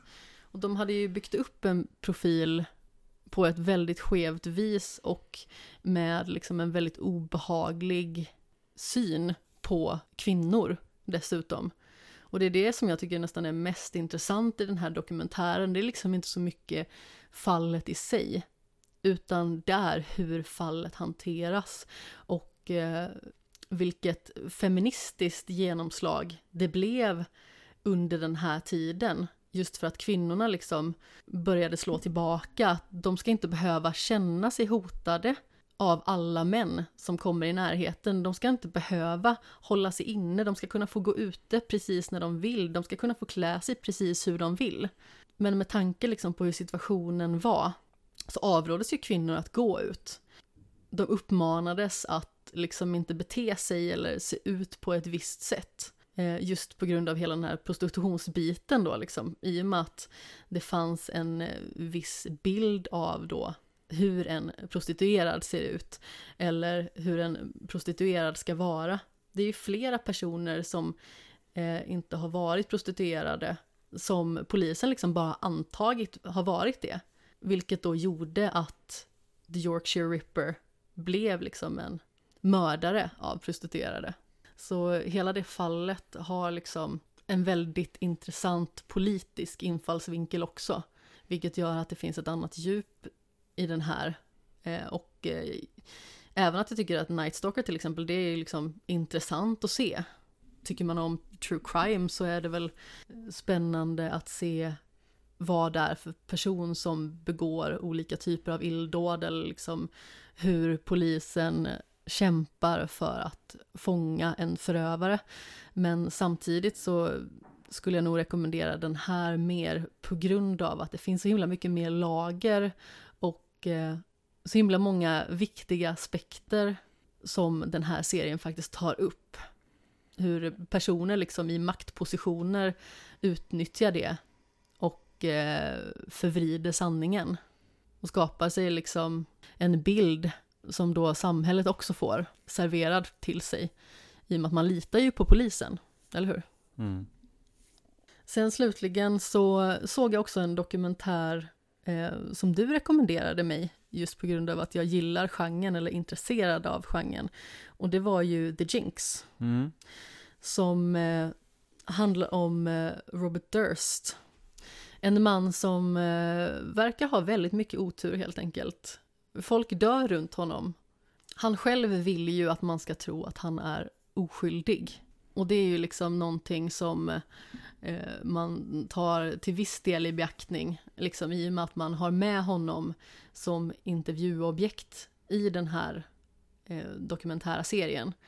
Men det som är så himla intressant, det är hur han faktiskt blir avslöjad egentligen. Mm. För där handlar det liksom om att han eh, i slutändan då har på sig mikrofonen som han hade när han blev intervjuad och han pratar med sig själv inne på toaletten och avslöjar sig själv då helt sonika. Vilket då slutligen gör att polisen griper honom direkt efter att det här avsnittet har sänts. Mm. Och jag vet ju inte riktigt hur det här går till, alltså polisen måste ju ha varit liksom kontaktade. Ja, absolut. Det är bara det att de väntade med gripandet tills sista avsnittet hade sänts. Ja, för det känns ju som en så himla hemlig grej liksom, att man skulle hålla på den informationen. Mm. Men förmodligen kanske så för att se till att han inte liksom blir obekväm eller sticker. eller något. Jag vet faktiskt inte hur det gick till, men det, det vet jag det var ganska mycket diskussioner om det när serien var slut. Var det att är det etiskt eh, att liksom sitta och vänta på att man ska få bättre tittarsiffror eller vad som helst. För det var ju så spännande. Jag, jag följde den här eh, dokumentären medan den gick. Ja, Eh, så det blir väldigt mycket så att det var ju så att, ja men han måste ju vara skurken, men man kunde ju fortfarande inte veta säkert. Och sen Nej, men precis. i och med att man liksom inte har några faktiska bevis ganska så länge. Han har ju liksom inte gjort något erkännande. Alltså det sjukaste är ju det att det var hans egen idé, den här dokumentären. Mm. Var han, för att den här, eh, han som har gjort dokumentären, han gjorde ju en film baserat på... på All good things. Ja, precis, på, eh, med eh, Ryan, Ryan Gosling, Gosling. och Kirsten Dunst. Ja, jag har sett den. Jag har inte sett den. Jag för mig att jag inte tyckte att den var så jättebra. Eller alltså att den var okej. Ja. M- Men så att han har liksom kontakten här, ja men någon borde berätta min historia och det borde vara den här filmmakaren då för att han ändå typ kan se mitt perspektiv. Eh, och under liksom, under dokum- dokumentärseriens gång så kommer de varandra ganska nära liksom för att de, han, han följer efter honom liksom och, och liksom som intervjuobjekt. Mm. Eh, men alltså det är helt sjuka grejer om jag minns det rätt liksom var så att men liksom, han var ju med i någon rättegång där man kände liksom att han borde inte komma undan här och advokaterna kollar bort och sen så bara juryn bara nej men han måste vara oskyldig. Man men hallå, Ja. Har ni inte sett liksom vad, vad de drar fram? Det låter ju helt absurt. Det låter verkligen helt absurt och det känns som att det här kan bara hända i USA. Ja, för det känns som att det borde varit solklart. Liksom. Mm. Det är så mycket som inte går ihop. Hur kan man liksom hur kan man påverka juryn på det sättet liksom? Det är så himla märkligt. Men samtidigt så sitter vi också på Alltså då sitter man säkert på några avsnitt också av information som förmodligen inte juryn har, men ändå, jag kommer ihåg att när advokaterna pratar så var man fortfarande så här, som att det där är ju inte, det är inte rimligt. Nej, men alltså naturligtvis så är det ju väldigt lätt för utomstående att säga liksom att det här låter fullkomligt orimligt. Hur kan man ens liksom resonera att han skulle ha liksom ett litet uns av oskyldighet Mm. på något vis. Eh, och när man inte sitter där själv i rättssalen så kan det väl vara väldigt lätt att liksom se helheten. Men just det här liksom att advokaterna vrider och vänder på det så att ett mord på en gammal man och en styckning av samma man, att det liksom då ska riktas till att bli ett självförsvar. Mm. Han trillar, han slår i armbågen och råkar skjuta personen. Och sen så får han panik, styckar personen och sen så försöker han att eh, rymma och gömma sig. Och det Mm. har han ju redan gjort från början. Det är ju anledningen till att han är liksom på andra sidan landet från första början. Det är ju att han förmodligen har mördat sin första hustru. Sedan så har han förmodligen mördat sin bästa vän i en helt annan stat. Då finns det ju liksom personer som eh, börjar nysta i det här och försöka liksom reda i vad som verkligen har hänt. Och då flyr han därifrån för att man liksom inte ska komma åt honom. Och anledningen till att hans bästa vän dog, det var ju att de ville prata med henne. Jag får med att det var en Mm. advokat till exempel som ville prata med henne eh, och eh, fråga liksom vad hon då visste om exfruns försvinnande. Och efter det så blir hon liksom mördad. Så det är ju väldigt märkligt att folk liksom råkar dö i närheten. Ja, och sen så bara köpa det argumentet själv, alltså man styckar inte någon i självförsvar. Nej, Det, det är liksom, det, det är liksom he, mot all, mot allt liksom rim och reson känns det som. Det är så här att, jo men okej, jag råkade mörda den här personen. Alltså visst, man kan väl få panik om man råkar mörda men om det är självförsvar så är det ändå självförsvar. Ja. Och hans då argument var liksom att han vill liksom vara i fred, han vill lämna allting bakom sig och vill inte att då mordet på eh, frun respektive vännen ska tas upp igen. Eh, och det är naturligtvis så att det kommer på tal eh, i och med att eh, de tar ju honom ganska så snabbt efter det här styckmordet på grund av att han då får för sig att, eh, för mig att han ska snatta en macka på ett litet snabbköp.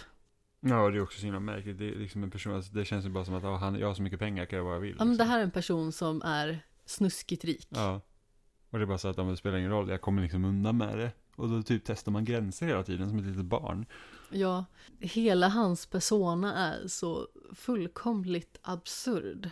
Alltså de längder som han går för att på något vis hävda sin oskuld trots att han då är med största sannolikhet eh, skyldig. Alltså det är helt otroligt. Han klär ut sig till kvinna och låtsas då att han är en kvinna som bor i den här lägenheten jämte mannen som då slutligen blir styckmördad. Och eh, sedan så försöker han få det då liksom till att han avslöjar vem han är för den här mannen, att de liksom ska bli bästa bundisar då på något vis. Bara för att det ska verka som att han råkar döda honom och inte liksom som att han får ett bryt eller att den andra personen har kommit på honom på eget bevåg då att den här gamla mannen då dödas liksom i självförsvar.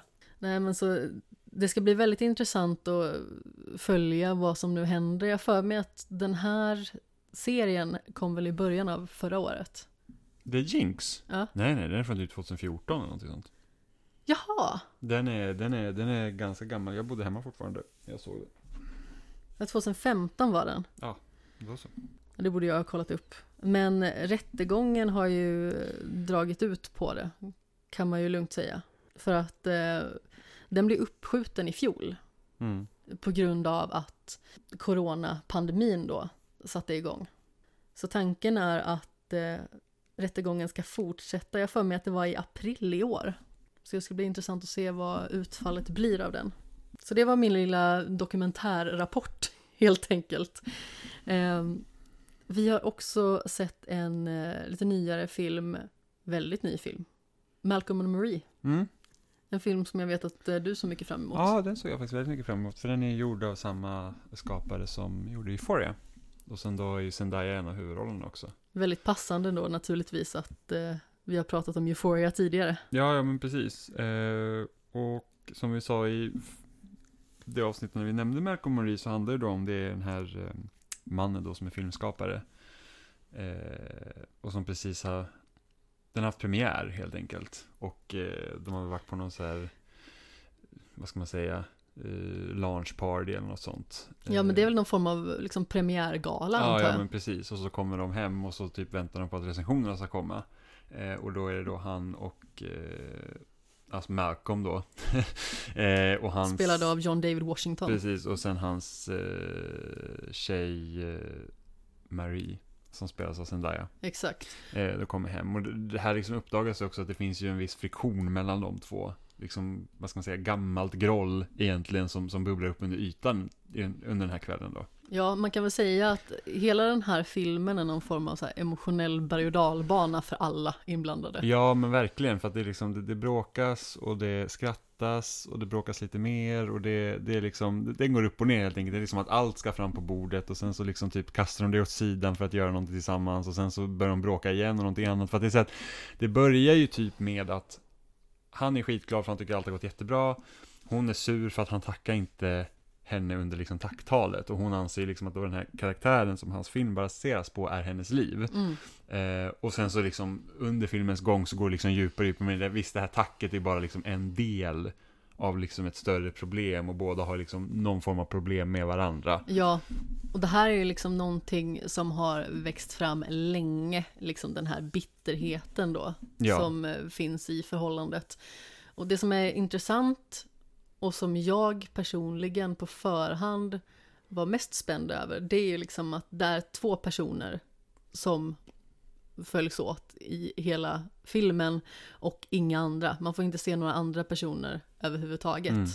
Filmen är också svartvit som gör att, eh, att känslan blir eh, Men Det känns som att det blir liksom mer intensivt, för det finns inte massa grälla färger och sånt som stör, utan den är verkligen så att det blir, jag vet inte, det känns som att det är mycket större fokus på karaktärerna. På Ja men exakt. Det riktas ju väldigt mycket mot dem och det är de med sina liksom personligheter som får vara färgstarka och lysa igenom det här svartvita då. Det. Mm. Och eh, den här berg och dalbanan är verkligen så, så besynnerlig. Mm.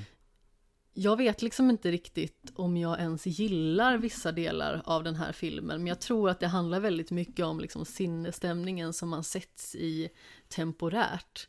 För att alltså karaktärerna är så otroligt osympatiska, Ja, men jag tror, alltså också, båda två. Ja, precis. För att det liksom, eftersom man inte har hela bilden så är vissa tjafs känns så himla småaktiga. Medan andra liksom kan vara mer rimliga. Och vissa är så stora så man förstår liksom inte riktigt hur det inte har kommit på tal tidigare. Det kanske har kommit på tal tidigare Jo, också. men alltså det verkar ju liksom som att nu bubblar det här upp till ytan från ingenstans. Ja, men precis. Och det gör ju så att man, man att man som tittare liksom, man, man känner sig en aning frustrerad emellanåt. Eh, och jag tror att, Mycket och frustrerad. jag undrar om inte det kanske är tanken också. För att karaktärerna i filmen känner sig också frustrerade med varandra. Ja, alltså det var ju en film som var jobbig att se på. Alltså, jag tycker ju personligen inte riktigt att det är liksom något mästerverk. Många har ju tyckt att den var riktigt bra och jag tycker att den var bra. Det var en bra film. Men den var okej. Men jag känner liksom att den frustrationen som du nämnde fanns liksom hela filmen igenom. Och det som jag tycker nog är jobbigast är liksom att man känner att man har liksom ingen att heja på. Utan båda är så otroligt jobbiga att observera. För att de liksom har den här berg och dalbanan hela tiden. Mm. Och eh, båda har liksom väldigt osympatiska drag. Mm. Ja, jag håller med. En väldigt märklig film också. Mm. Sen var det en, en grej av det också att den är skriven och gjord under eh, pandemin också. Så att den var liksom, man ska säga, den har kommit till skott ganska fort. Den, spelades, den skrevs väl under våren, spelades in i somras eller något sånt. Och sen så släpptes den nu då. Det som känns också, alltså det är ju samma skapare som Euphoria och eh, där samma musikskapare som Euphoria. Mm. Och eh, det blir ju lite samma känsla och på något vis känns det lite som att Marie är någon form av äldre variant av Rue. Ja, lite så faktiskt. Lite, alltså det är nästan lite samma karaktär igen. Mm. För att hon liksom eh, har tidigare varit narkotikaberoende och eh, han tog liksom henne då till eh, rehabiliteringscenter. Och det är Mm. mycket det som hela tiden Malcolm då återgår till liksom hur han har tagit hand om henne. Mm. Och eh, det blir också väldigt liksom osympatiskt liksom. Ja, att han han- ser sig själv som den store räddaren på något vis. Snarare än att han ser henne som en partner. Och sedan så är han helt plötsligt uppe på en topp och då älskar han henne mer liksom än själva livet i stort sett. Och sen så eh, går han liksom in på den här småaktigheten liksom och eh, förminskar henne väldigt Ja, mycket. Han attackerar ju henne hela tiden med att ta upp liksom att hon har varit någon missbrukare och liksom psykiskt instabil kallar han henne. Ja. Så att han är ju, han är ju riktigt egentligen ett jävla rövhål. Ja, men exakt. Vilket hon också kan vara. Så det är ju det som är så frustrerande, att man liksom känner att man vill liksom inte typ se någon av dem i slutändan. Mm. Men, men säger, graden till där de ger kängor till varandra tycker jag att han gör så mycket värre. För att han går ju verkligen på liksom hennes alltså problem som hon har kämpat för att få bort. Det enda hon liksom skrapar på honom det är hans manliga ego. Ja, ja, absolut. Så det är liksom helt, eh, det är en sån orimlig skillnad. Ja, För att han är ju rent, han är liksom otroligt elak egentligen. ja, Det är som att han inte ser ett värde i henne överhuvudtaget. ja men Många precis. gånger. Vilket också då grundar sig i att han inte ens tackade henne i talet då. Ja, men precis. Det cirkulerar ju hela tiden tillbaka till sådana saker som talet, som att eh, hon egentligen då ville att han skulle valt henne att spela huvudrollen. Mm. För att filmen hade varit mycket bättre med henne om eh, Marie fick liksom säga sitt. Mm. Och eh, då tycker han ju liksom att hon är orättvis för att hon borde minsann liksom ha då tagit tag i den situationen och faktiskt gjort en audition. Det känns ju som att de har väldigt mycket så här kommunikationsproblem. Mm. Men som sagt, alltså det är en sevärd film. Eh, vill man eh, känna sig lite förbittrad under en eh, hyfsat lång stund så rekommenderas den. Mm. Eller om man liksom känner att man eh, vill se personer eh, ta ut sin frustration och sin eh, bitterhet. Så tycker jag absolut att man borde se den. Och liksom rent stilistiskt så är det ju liksom en väldigt tjusigt gjord film. Ja, men det är den. Väldigt, väldigt fint foto. Och typ hela huset är också i glas. så det är Ja. liksom, Det är ett väldigt märkligt hus. Jag Mm. tänkte på det hela tiden. Liksom, vill man bo så med sån full insyn? fast de verkar också bo liksom mitt ute i ingenstans. Ja, det ser ut som att de bor typ i skogen och sen Ja. så kommer det här glashuset. Ja. Det känns som att eh, själva huset i sig är motsatsen till miljön. Men du har ju också sett en serie. Ja. Jag såg Bridgerton. Som var så här, under några dagar där i december så var det där tokhyllad av typ hela Twitterkåren som jag följer. Eh, som är då ett kostymdrama på ti- i tio delar. Eh, som baseras på någon bokserie som heter Bridgerton antar jag. Eh, Familjen Bridgerton heter den på svenska. Eh, och som är då producerad av eh, Shondaland. Som är då Shonda Rhimes som har me- mest känd för Grey's Anatomy. Eh, så vilket var också en stor anledning till att jag såg den, för att jag gillar Grey's Anatomy. Va, gör du? Ah, ja. Eh, och jag gillar kostymdraman till exempel. Jag tycker Downton Abbey är en jättemysig serie. I alla fall de första säsongerna. Och jag kan väl säga så här att jag tror inte att jag är lika förtjust i den här serien som många andra. Jag tycker inte att den är... Alltså den var väl helt okej, men den är väl också frustrerande till den grad som man känner liksom över Malcolm och Marie, över hur frustrerad man var där. Och mest beror på att, visst Malcolm och Marie handlar om att två personer sitter och pratar med varandra. I Bridgerton så är det för att folk inte pratar med varandra och kan inte klar, prata klarspråk med varandra och den tar liksom väldigt snabba vändningar. Eh, men den, ut, den handlar ju då om då familjen Bridgerton och det är liksom den här, eh, jag vet inte vad det heter på svenska, men det är det här, någon form av, eh, vad blir det när typ uh, unga flickor ska ut i vuxenlivet och typ hitta uh, män att gifta sig med.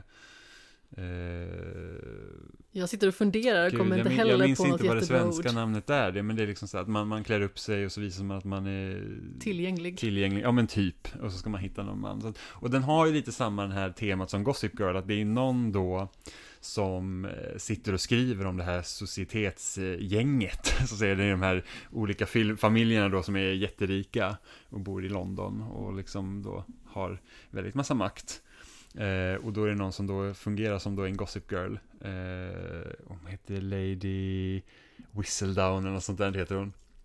Eh, och, och då liksom, ja, men, har liksom en skvallerblaska helt enkelt om, de här familjerna som hon skickar ut till alla och folk liksom läser. Eh, och då är den här, eh, nu måste jag ju faktiskt ta upp eh, lite information här så jag kan säga karaktärens namn, för det är väldigt många karaktärer. Så det är mm, eh, då Daphne Bridgerton som är liksom då, ska säga, huvudkaraktären då, så det är hon som ska liksom hon ska då bli kvinna nu och hitta liksom en man och hon börjar liksom bli lite äldre och på den här tiden var det typ så att, ja men är flickorna över 15 år? Nej, men typ, då är det så här bara att, ah, då är de för gamla. Även fast hon, är- hon är ju över 20 förmodligen i serien, eller 18 kanske, någonting sånt. Eh, och då är det så att hon, hon är väl inte riktigt nöjd med, med, med liksom att gifta sig med vem som helst. Eh, och då är den här... eh, Vilket man inte borde vara. Nej, nej men precis, eh, absolut. Hon vill liksom då gifta sig på grund av kärlek och allt det här. Så att hon, då är det då, var guvernören, eh, nej inte guvernör, vad heter det, the Dutch, Duchess, Greve. greve, greven över liksom deras område då som, som heter Simon Bassett som då, han vill inte gifta sig för att hans pappa var typ eh, världens sämsta människa och så att han är så att han vill inte liksom få barn, han vill inte liksom eh, föra vidare sina gener liksom för att han är rädd att han ska typ bli lika dålig pappa. Eh, och då går de in i en pakt med varandra så att, så att hon ska liksom kunna få då sådana som vill vakta upp henne som då är av värde så måste då hon känna sig eftertraktad och då är det vem är inte bättre än greven då som vaktar upp då blir hon plötsligt intressant för mer för att av någon anledning så att om, om, om män måste slåss som kvinnor så är det ännu bättre. Ja men det är ju så det fungerar. Om man är upptagen så blir man ju mer eftertraktad liksom. Precis, och då, då, liksom, då ingår de då i något form av fejkat partnerskap där liksom, han låtsas då att vakta upp henne. Eh, för att hon ska liksom få då fler som är intresserade av henne. Och då blir då någon eh, prins från något annat land som blir väldigt intresserad.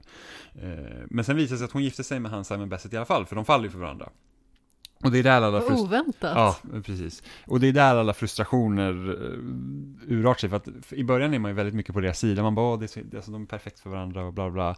Men sen så liksom de undanhåller grejer från varandra och de pratar inte med varandra och liksom serien tar sådana snabba vändningar. att Ibland var det så att nu hänger inte jag med varför de är osams. Vad är det som har hänt? Eh, vilket otroligt frustrerande att titta på. För man säger, men så herregud, nu, nu är det ju bara töntigt liksom. Det är en av de mest irriterande faktorer i filmer och serier. Det är när karaktärer inte pratar med varandra. Mm. Nej, men alltså, hon, hon i princip, alltså det är typ, hon inser typ att hon gillar honom och han vet ju att han gillar henne men ingen av dem tror att de vill gifta sig med varandra för att, ja, av någon anledning och sen så blir det någon, hennes brorsa får reda på då att Det är väl Jo. han som spelar Ollie Ja, i, eh, Broadchurch. Ja, och det är så att hon ska då bestämma sig för att hon ska gifta sig med den här prinsen. Eller liksom han har då friat till henne och hon har inte svarat. Och då är de på någon fest och då är de går... Hon får en lapp skickad till Ja, sig typ. när hon ska Precis. bocka i. Jag, nej, kanske. Eh, och så går hon ut i trädgården själv, vilket tydligen är helt otänkbart för en kvinna. Och då är det då, då kommer han dit och så kysser han henne då. Alltså Simon Bassett, greven.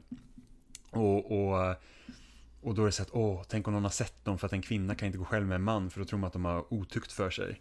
Eh, vilket de i princip hade. men, men då kysser han henne och då blir då, då hennes Otukt är ett väldigt roligt ord för övrigt. och hennes brorsa utmanar honom på duell och då är det någon av dem som ska dö och så rider hon dit för att stoppa dem och då bara bestämmer hon sig för att nej, du ska gifta dig med mig nu för att det är det enda sättet att rädda mitt anseende för att det kan hända att någon har sett henne då att då varit otrogen mot prinsen som hon inte är tillsammans med.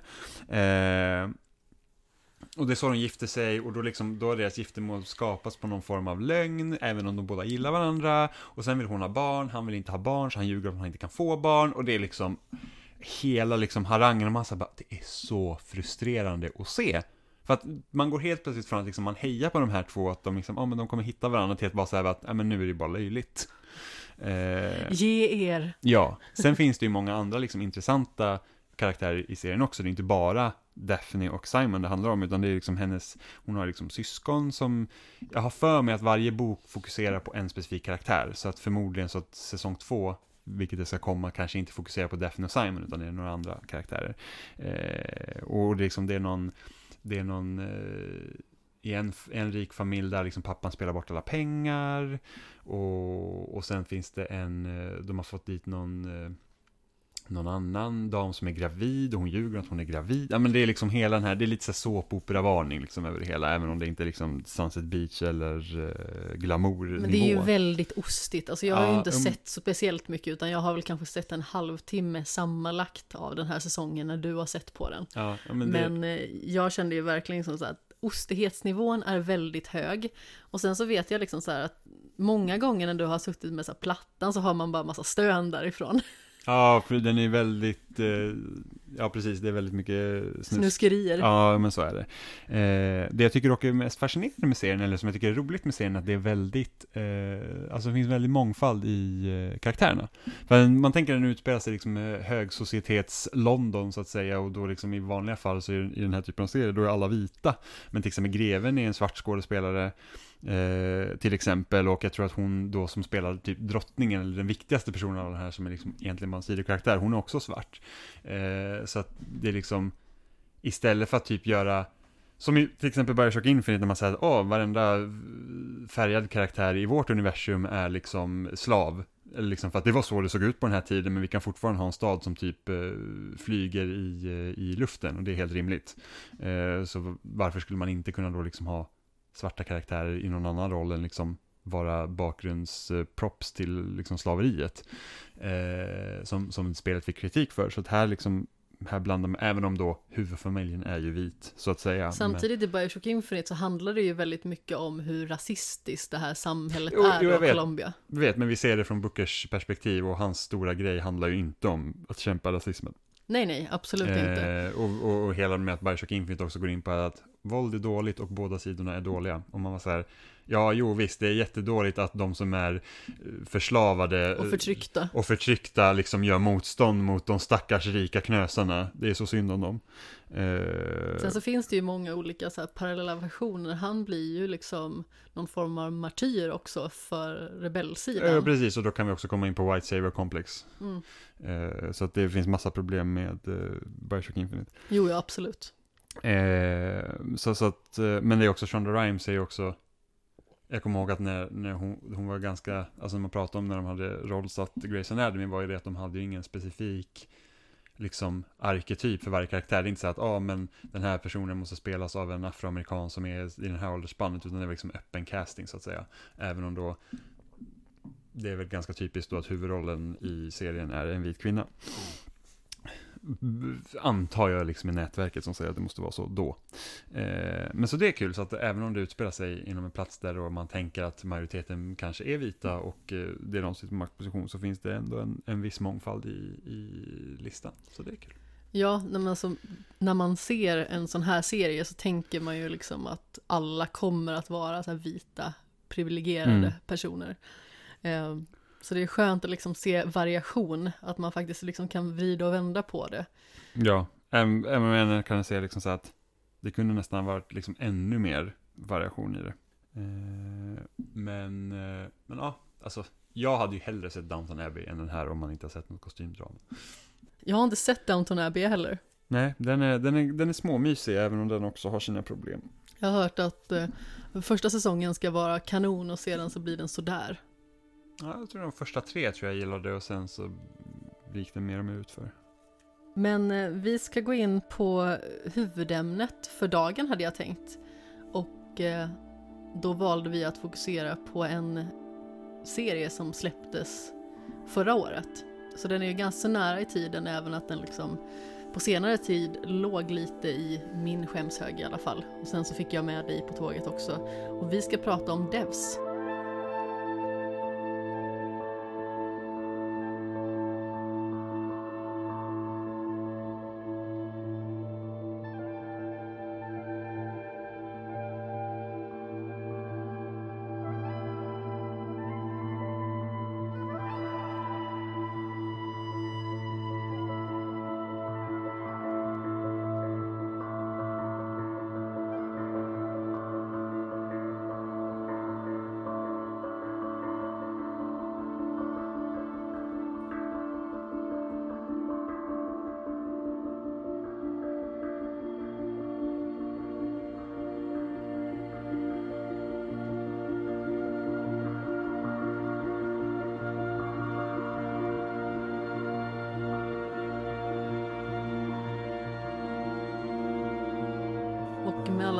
Handkrämsljud så förkunnar vi att eh, vi ska prata om serien Devs som sagt.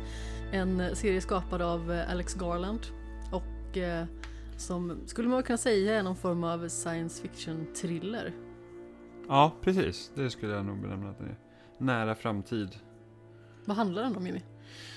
Den handlar om då det är eh, ett företag som eh, arbetar med kvantdatorer. Som enkelt. heter Amaya. Precis, som har tagit fram en kvantdator och då finns det en, en vad ska man säga, typ hem, inte hemlig gren, man ska säga en elitgren i det här företaget då som kallas Devs, som arbetar på ett hemligt projekt då med Precis. en, en gigantisk kvantdator som ska kunna göra olika beräkningar och eh, främsta uppgiften för den här datorn då är ju då att försöka då lista ut framtiden. Vad som ska så. hända och den kan även liksom gå tillbaka i tiden och eh, räkna ut då hur saker har hänt. Precis. Och det här Devs då, det är liksom en specialenhet där bara liksom de mest kvalificerade personerna får eh, komma in helt enkelt. Mm. Och eh, jag kan ju säga som så redan nu, alltså, det var ju ganska länge sedan vi hade ett så kallat vanligt avsnitt av Skämshögen. Men det här är alltså den delen där det är eh, spoilervarning deluxe. Alltså nu vet jag att vi har varit ganska så spoilerande resten av episoden också. Men eh, ett eh, varningens finger. För att det här är liksom en serie som eh, mår väldigt bra av att man liksom går in med helt fräscha ögon och inte liksom vet om hemligheten. Så om man vill se serien så se serien nu och kom tillbaka och lyssna senare. Och den finns på HBO. Exakt, det är bara åtta episoder. Så eh, det är liksom en ganska så kompakt upplevelse och jag tycker det var väldigt liksom skönt att den inte var längre än så för att det känns som att de lyckas samla allt det viktigaste materialet och att det liksom inte var så mycket utfyllnad. Och eh, framförallt i och med att liksom det händer mystiska saker och olika typer av skeenden som man behöver hålla koll på så känns det som att man måste liksom vara väldigt vaken när man ser den. Så blinkar man så missar man skit. Mm. Jag tror en av de eh, aspekterna som jag tycker är intressantast med serien är att den kör ju den bygger upp till någonting man tror ska hända, så bara okej nu är det här vad serien handlar om och sen så raserar den de förväntningarna och så gör den något helt oväntat egentligen. Eh, och det främst tänker jag då att när serien börjar då så är det ju, det är en eh, huvudpersonen då som är, eh, vad heter hon, kvinnan? Lilly, Lily, eh, hennes pojkvän får då ett jobb inne på Devs. Eh, och det visar sig då att han är egentligen en rysk spion. precis. Sergej heter han och han är liksom inflyttad till USA sedan några år tillbaka. Så han får jobb på Devs och han, han är ändå en, jobbar för den ryska underrättelsetjänsten och då ska försöka få, alltså då veta vad är Devs, vad arbetar de med och sen stjäla hemligheten och sprida vidare till Precis. liksom, de han jobbar för. Infiltrera den här Precis, enheten. och då tänker man ju liksom så att, ah, ska det här vara någon så här typ spionserie? För att han mördas ju i första avsnittet för att de kom ju på honom. Eller liksom, tack vare den här kvantdatorn då som kan räkna ut eh, vad som händer då, så visste de att det här skulle hända då. Precis. Så vdn för det här företaget som heter Forrest som spelas av Nick Offerman. Eh, vilket är en väldigt hemlig karaktär för övrigt. Han har liksom lite så här Javier Bardem-aura med sin eh, märkliga page på något vis. Och så eh, smyger han omkring där på området liksom. Och jag tycker att det är en väldigt bra karaktär. Mm. Utan att liksom eh, gå in för mycket på honom just nu. Mm. Eh, men han har ju liksom sett in i den här förutsägelsen från kvantdatorn tillsammans med sin närmsta partner Katie. Och eh, då har de liksom sett att han kommer stjäla deras hemligheter. Mm, och sen försöka sprida vidare dem. Precis, och eh, då är det ju liksom eh, hans förste man eller vad man ska säga som då har koll på säkerheten på hela Amaya-området som mördar honom helt Mm. enkelt. Och, och, då, och då blir hon, Lily då blir kontaktad av Sergejs chefer då, eller liksom den som han rapporterar till. Mm. Och liksom då tror man att, ah, är det så hon ska vävas in i det så nu är det hon som ska spionera på dem. Men det blir liksom aldrig så, utan hon tar liksom egna beslut och egna vändningar och det antar jag ju, har ju mycket att göra med seriens tema. Eh, för att det som är grejen med den här kvantdatorn då, är det att man säger så här, men om de vet vad som skulle hända, varför lät de ens honom börja jobba där om de skulle veta det? Och det är ju, och det är bara för att de är ju liksom, på något sätt är de helt slavar till den här liksom algoritmen de har tagit fram som beräknar framtiden. För de säger att det här kommer ske, så det finns liksom ingen mening med att göra någonting annorlunda, utan det är så här det kommer hända. De lever liksom efter devisen att den här datorn har 100% rätt och att de kan inte göra någonting annorlunda för att utfallet kommer att bli så här vad Ja. de än gör. Och det är ju det som blir så himla träffande med, eh, med Lily där, är det att hon, hon blir liksom den konstanten som är så att, som vi får följa, är så att, ja men om hon inte följer det som hon vet, så borde ju liksom, antingen så, alltså det borde ju rasera liksom hela alltet. Eh, så det leker ju serien med hela tiden, liksom så här med att okej, men alltså vi försöker göra det på det här sättet så att vi inte följer datorns regler. Mm. Eh, för att sedan se liksom det på grund av de som jobbar på Devs och deras liksom tro om att eh, datorn är liksom absolut så, eh, så är det vissa saker som händer ändå. Mm. Ja, men alltså, man tänker ju också liksom det här storföretaget, att det liksom är ett klassiskt skurkföretag på något vis också, liksom att eh, Forrest då som är skaparen av företaget försöker liksom bli allsmäktig på något vis liksom med den här informationen, men så är det ju inte, utan han är ju en ganska så relaterbar skurk, tycker jag.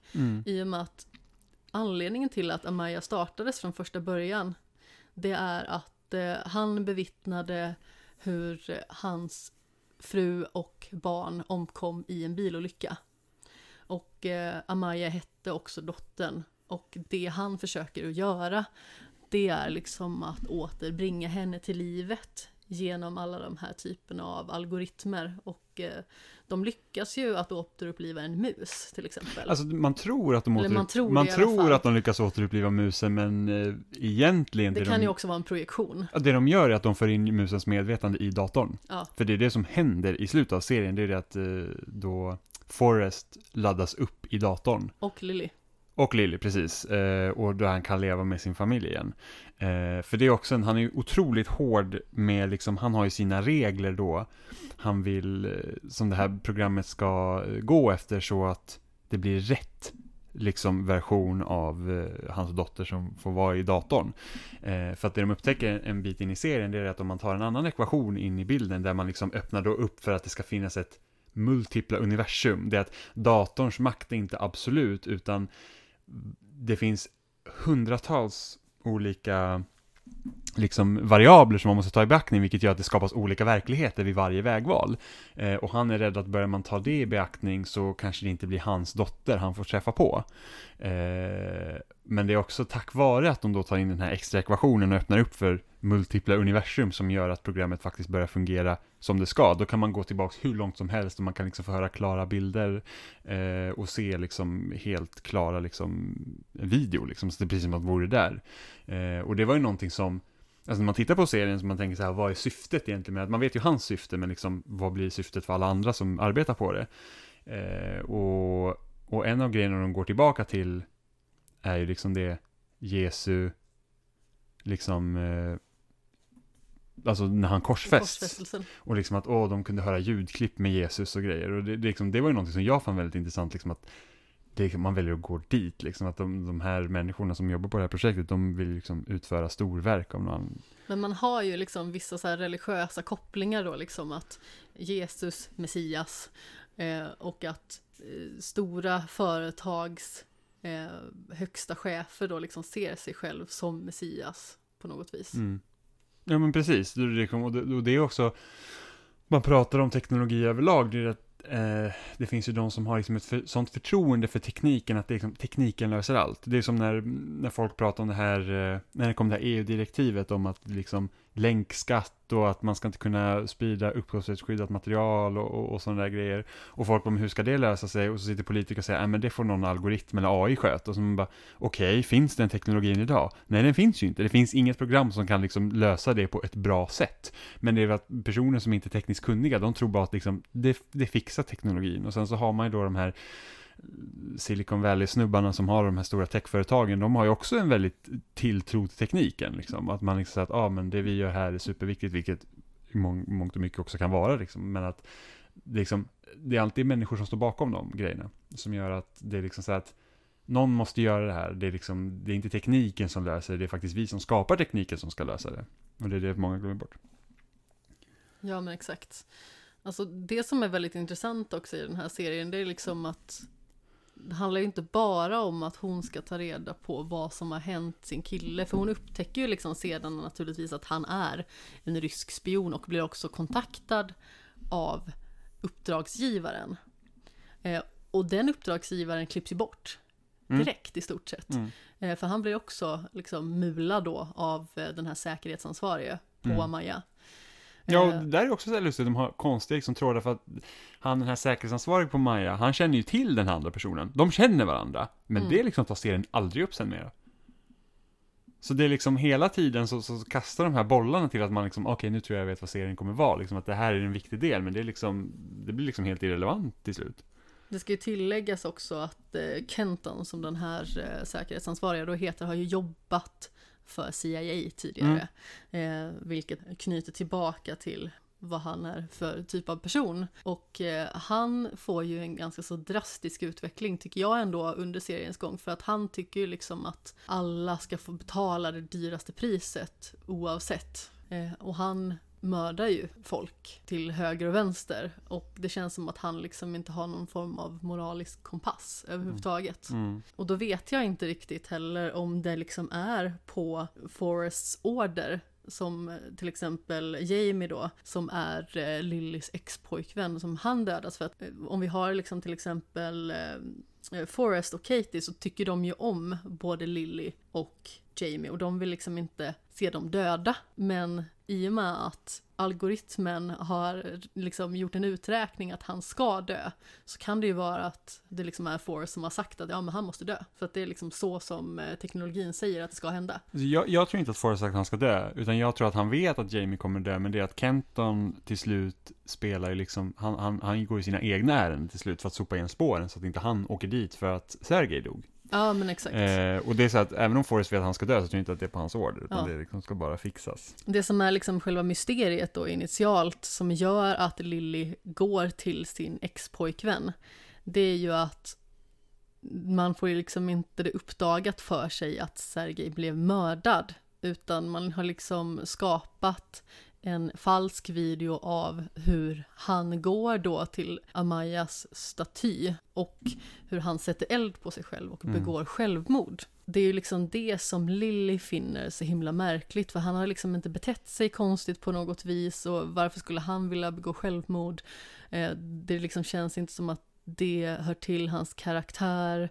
Eh, och sedan så lyckas hon utmanövrera Kenton tillsammans med en av sina kompisar då, som också jobbar på Amaya. Så de lyckas stjäla då övervakningsbilderna och då ser de att eh, den här eldsvådan som eh, Sergej startar liksom på sig själv, den repeterar samma mönster, vilket då innebär liksom att man ser att det är fabricerat material Mm i och med att eh, Jamie också liksom jobbar med eh, teknik så kunde han liksom hjälpa henne att eh, liksom kontrollera det i mångt och mycket och liksom se den här repetitionen i elden.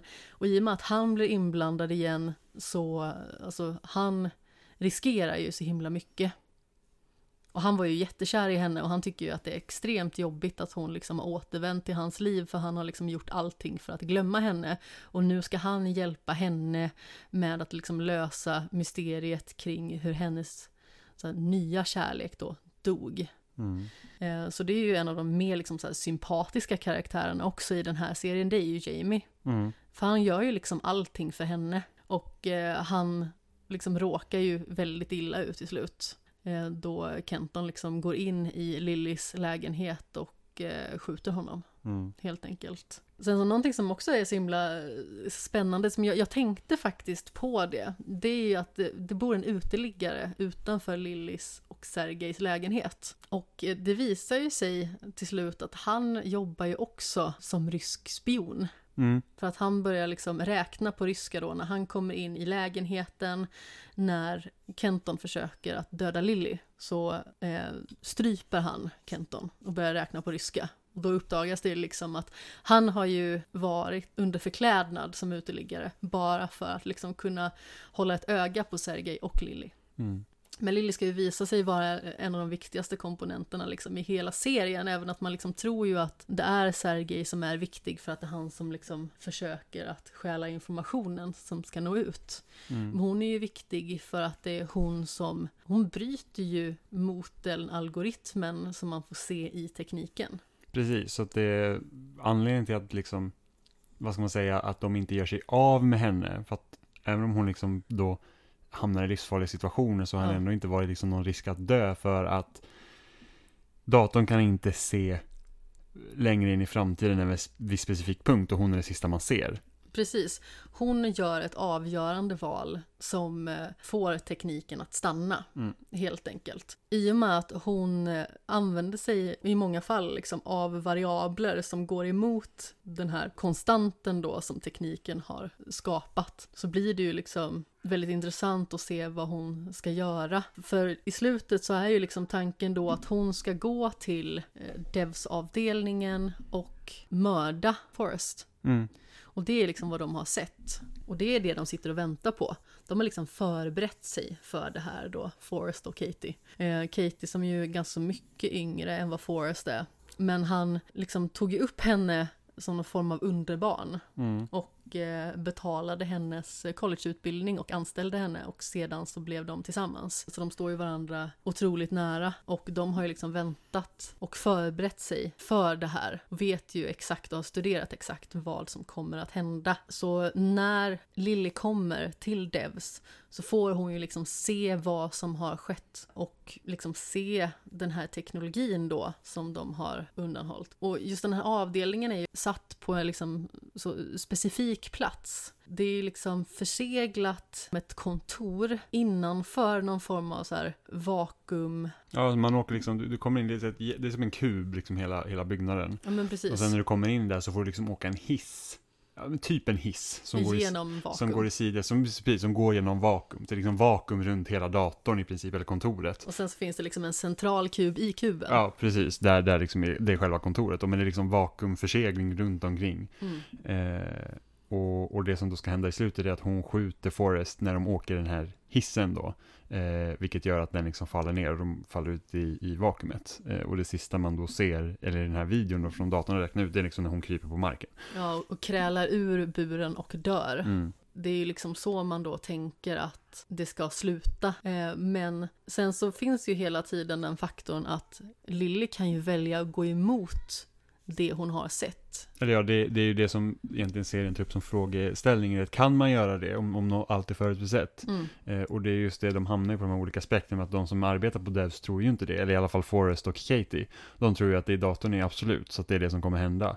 Eh, det finns ingen idé att göra någonting åt det. Men med den vetskapen som hon har, eh, Lily alltså, så, väljer, så kan ju hon, eller hon, det är där man får se, kan hon välja att göra någonting annat?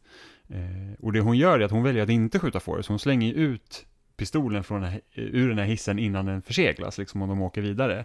Eh, problemet är ju då att det är en annan karaktär som ser till att hissen rasar ner. Som jobbar på Devs som då liksom utlöser säkerhetssystemet och det är han som liksom är den viktiga faktorn här. Mm. Att hon inte skjuter, det spelar egentligen ingen roll. För att de kommer båda dö ändå. Just för att säkerhetssystemet kickar in på grund av att karaktären startar det.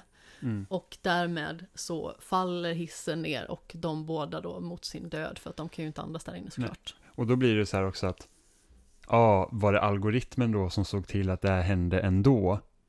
Eh, bara för att, ja men alltså det här skulle, man har ingen påverkan för det ska allting ha hänt, men, men här, utfallet blir detsamma Ja. även om man ändrar någonting. vilket jag skulle säga att det inte är så, för att den här andra personen då, han står ju där för att han har ju förmodligen också sett vad de har sett, och han såg bara till att det ska hända, så att datorn får ha rätt.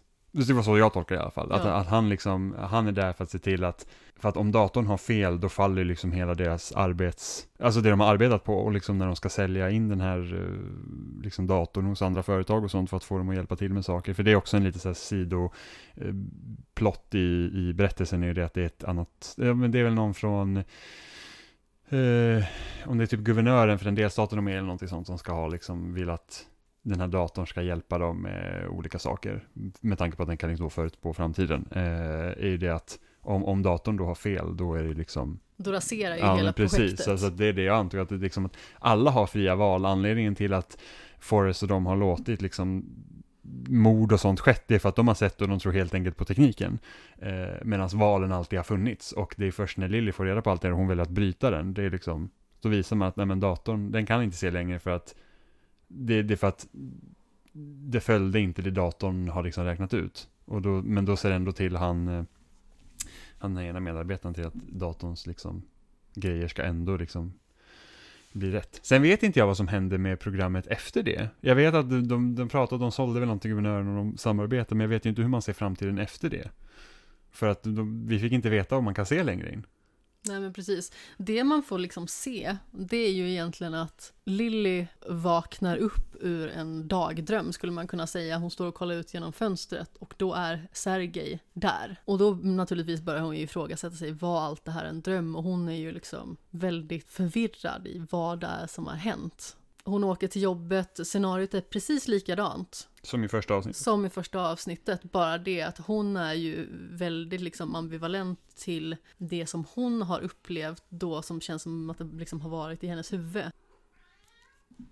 Jaha, nu har katten vaknat till liv igen i sedvanlig ordning. Men då i alla fall så har hon ju en väldigt annorlunda sinnesstämning i relation till i första avsnittet liksom. Så att hon ifrågasätter ju allting som händer och att det upprepas en gång till blir ju väldigt förvirrande. Eh, och sen så visar det ju sig, för att hon går ju liksom inte och gör det hon gjorde i första avsnittet, utan hon söker upp Forrest. Och där är ju han liksom också eh, i samma liksom tillstånd att han har ju liksom upplevt det som hon har upplevt. Och då visar det sig att de har liksom blivit uppladdade via sina medvetanden då. Precis, det blir att den här... Då kan de göra något helt annorlunda därifrån. Så datorn i Devs är egentligen eh, inte en algoritm som räknar ut framtiden, utan det är mer eller mindre en simulation över allt. Exakt. Så att, eh, och det var någonting som vi ställde sig frågan under seriens gång, det var ju det att, alltså lever de i datorprogrammet redan? Mm. Eh, alltså det här kanske inte är verklighet, det är därför det liksom kan hända knasiga En saker. verklighet i en verklighet. Mm, precis. Eh, och då visar det sig att, för att det Forrest var rädd för, vad han inte ville att de skulle liksom, han ville inte att de skulle ta då något multiuniversum i beaktning, eh, var ju det för att eh, han ville ha rätt version av sin familj. Eh, och när han pratar med Lily där, när de står ute på ängen i alla fall, så säger han ju typ så här, ja, men du liksom, du hamnar i den typ den, den bra versionen av världen typ. Precis, Eh, det finns andra versioner precis. som kan vara fullkomligt hemska och eh, ogästvänliga. Och då får man ju se det. Man får ju liksom se, bakgrunden ändras ju bakom dem med jämna mellanrum. Eh, för att förmodligen så varenda möjliga möjlighet för, som finns, alltså som datorn har räknat ut, finns det en version av Forrest och en version av Lily som har liksom, har sina minnen intakta. Så att det är liksom så att man vet, okej det kanske är bra för en handfull av Forrestar och Lillys så har de en annan liksom typ handfull där det är bara pest och pina liksom.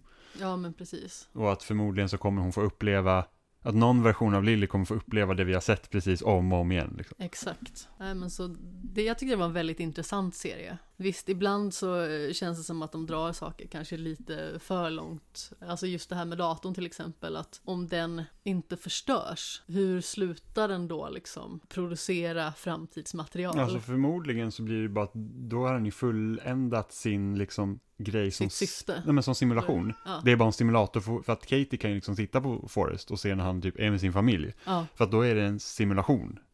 Det är liksom, det finns liksom inget, för att Lily och eh, Forrest blir ju två variabler som inte existerar längre i den riktiga världen. ja. Så hur ska den då kunna räkna ut vad som händer om du har två stycken variabler där inne som inte går att ta i beaktning i, i verkligheten? Exakt. Det var någonting som vi i alla fall diskuterade Mm. under eh, seriens gång, alltså när vi kollade på den. Mm. Ja, precis. Och, det, och ibland så säger man så att man är inte riktigt helt klar på vilka regler som gäller för den här datorn för att det, Precis. det är liksom så att det där borde inte, det där borde logiskt sett inte fungera med tanke på vad vi har fått veta. Någonting som vi båda uppskattade väldigt mycket också med den här serien, det var ju musiken.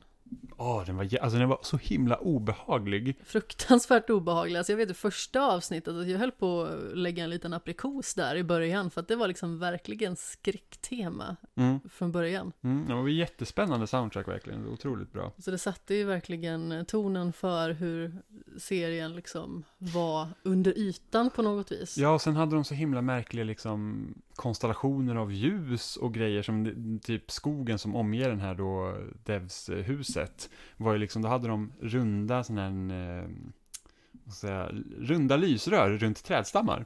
Som lyste upp, vilket gör att då liksom halva trädet är liksom upplyst och sen ovanför lampan så är det liksom kolsvart. Så det gjorde också att det, det ser liksom det är tillräckligt fam- familjärt att man ska känna att liksom, ja, men det där är liksom, det är liksom utspelar sig i, vår tid, men liksom ändå tillräckligt mycket utomjordiskt för att kännas liksom olustigt. Ja, precis. Det är där science fiction-biten liksom kommer men in. precis. Eh, så att det, det var en, det var en otroligt, alltså väldigt positiv överraskning. Sen känner jag liksom både, alltså Nick Offermans eh, prestation är jättebra. Alltså jag älskar liksom avsnitten när de bara sitter och pratar med varandra. Ja, Eh, så Nick Offerman och sen hon som spelar Katie, vilket jag inte kommer ihåg vad hon heter just nu.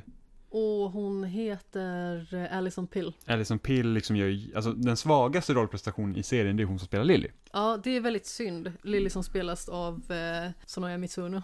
Ja, för jag känner att hon, hon har liksom typ ett sätt att bete sig på oavsett vad som händer. Eh, och även när hon liksom ska försöka spela lite mer så här, typ badass så känns det att det är lite på skakig mark, om man säger så. Medan liksom Katie och eh, Forrest, och även han som spelar Kenton, är ju liksom så här kanonbra tycker jag. De har ju ett helt annat spektrum känns det som. Ja, Och alltså jag älskar ju Nick Offerman. Han gör ju en otroligt bra rollprestation och framförallt liksom att man får en känsla av liksom att han är inte en ond karaktär, även att han gör onda saker. Mm. Eller vad man ska säga. Han förmedlar hela tiden den känslan av att liksom han är på en sida, även att han inte är det. mm. Ibland så är han ju det, men han ger liksom en väldigt eh, vänlig känsla. Ja, och, men det känns som att han liksom köpt in idén om att datorns makt är absolut.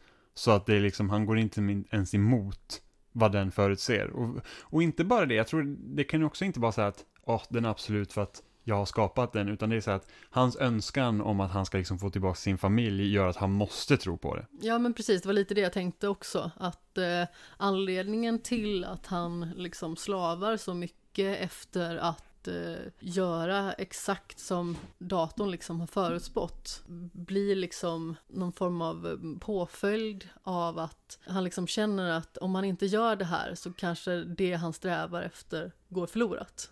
Mm, Att få tillbaka framförallt sin dotter, det är ju liksom hans allt. mm. Det är ju liksom hans enda motivation. Nu begår katterna galenskaper här i bakgrunden ännu mer. Serien var ju också väldigt snygg, alltså om vi återigen ska eh, tassa in på det estetiska, alltså vi pratade ju om musiken, men den var väldigt tjusigt gjord. Mm. Ja, men det var verkligen, alltså den var kanonbra. Här var ju liksom ett tips som eh, jag fick när jag lyssnade på Nördits eh, Noti-podd. Och eh, jag hade inte hört så mycket om den tidigare. Så jag är väldigt positivt överraskad, för den kom lite från vänster sådär. Mm. Jag hade inte hört någonting om den förrän du sa att vi skulle se, om du frågade om vi ville kolla på den. Ja, så den kan jag i alla fall rekommendera varmt. Jag antar att du gör det också. Ja. Ja, men det tycker jag, den kan man se. Och vi kommer kanske komma tillbaka hyfsat snart med ett nytt avsnitt. Vi vet inte riktigt när det blir, om det blir om eh, en eller två eller tre veckor. Men eh, vi försöker ju att i alla fall släppa något avsnitt i månaden. Och Eh, vill man kontakta Skämshögen så finns Skämshögen på sociala medier i form av Skamshogen på Twitter, Skamshogen på Instagram, Skamshogen gmail.com finns ju också. Och eh, precis som Mar gjorde så kan man ju gå in på eh, skamshogen.wordpress.com och lämna en kommentar. Man kan lämna en kommentar vad man vill, men det är alltid roligt. Det blir liksom ett extra diskussionsämne oftast. Då får vi också möjlighet att bena ut våra åsikter lite. Det kan ju vara någonting som kommer liksom så här i förbifarten, som eh, just det här med Jake Gyllenhaal till exempel, som vi fick eh, då möjlighet att prata lite mer om och eh, besvara lite frågor där som ställdes och sådär. Var hittar man dig Jimmy? Jag skriver om spel på loading.se och jag pratar om spel på Spelsnack. Det hittar man på vilken podcastapp man nu vill lyssna på. Exakt. Och eh, jag gör ju detsamma, både skriver för loading och pratar i spelsnack och mig hittar man ifall man vill följa mig på sociala medier som snabel kapten Sten, Sten med två E. Sen eh, så var ju varken du eller jag med i senaste avsnittet av, eh, av Spelsnack. Men man kan lyssna på tredje gången gilt där jag gästar eh, om man tycker att det är roligt att eh, lyssna på ännu mer prat om spel och eh, där eh, pratar jag med Viktor Sjöström och eh, får en myriad frågor angående spel. Allt ifrån vilket det första spelet som jag köpte var till vilken spelserie jag skulle vilja lägga ner och dylikt. Så det kan man lyssna på, den släpptes i fredags. Vi säger väl precis som i vanlig ordning, puss i va? Inte jag. Hej då, säger jag bara. Dåligt.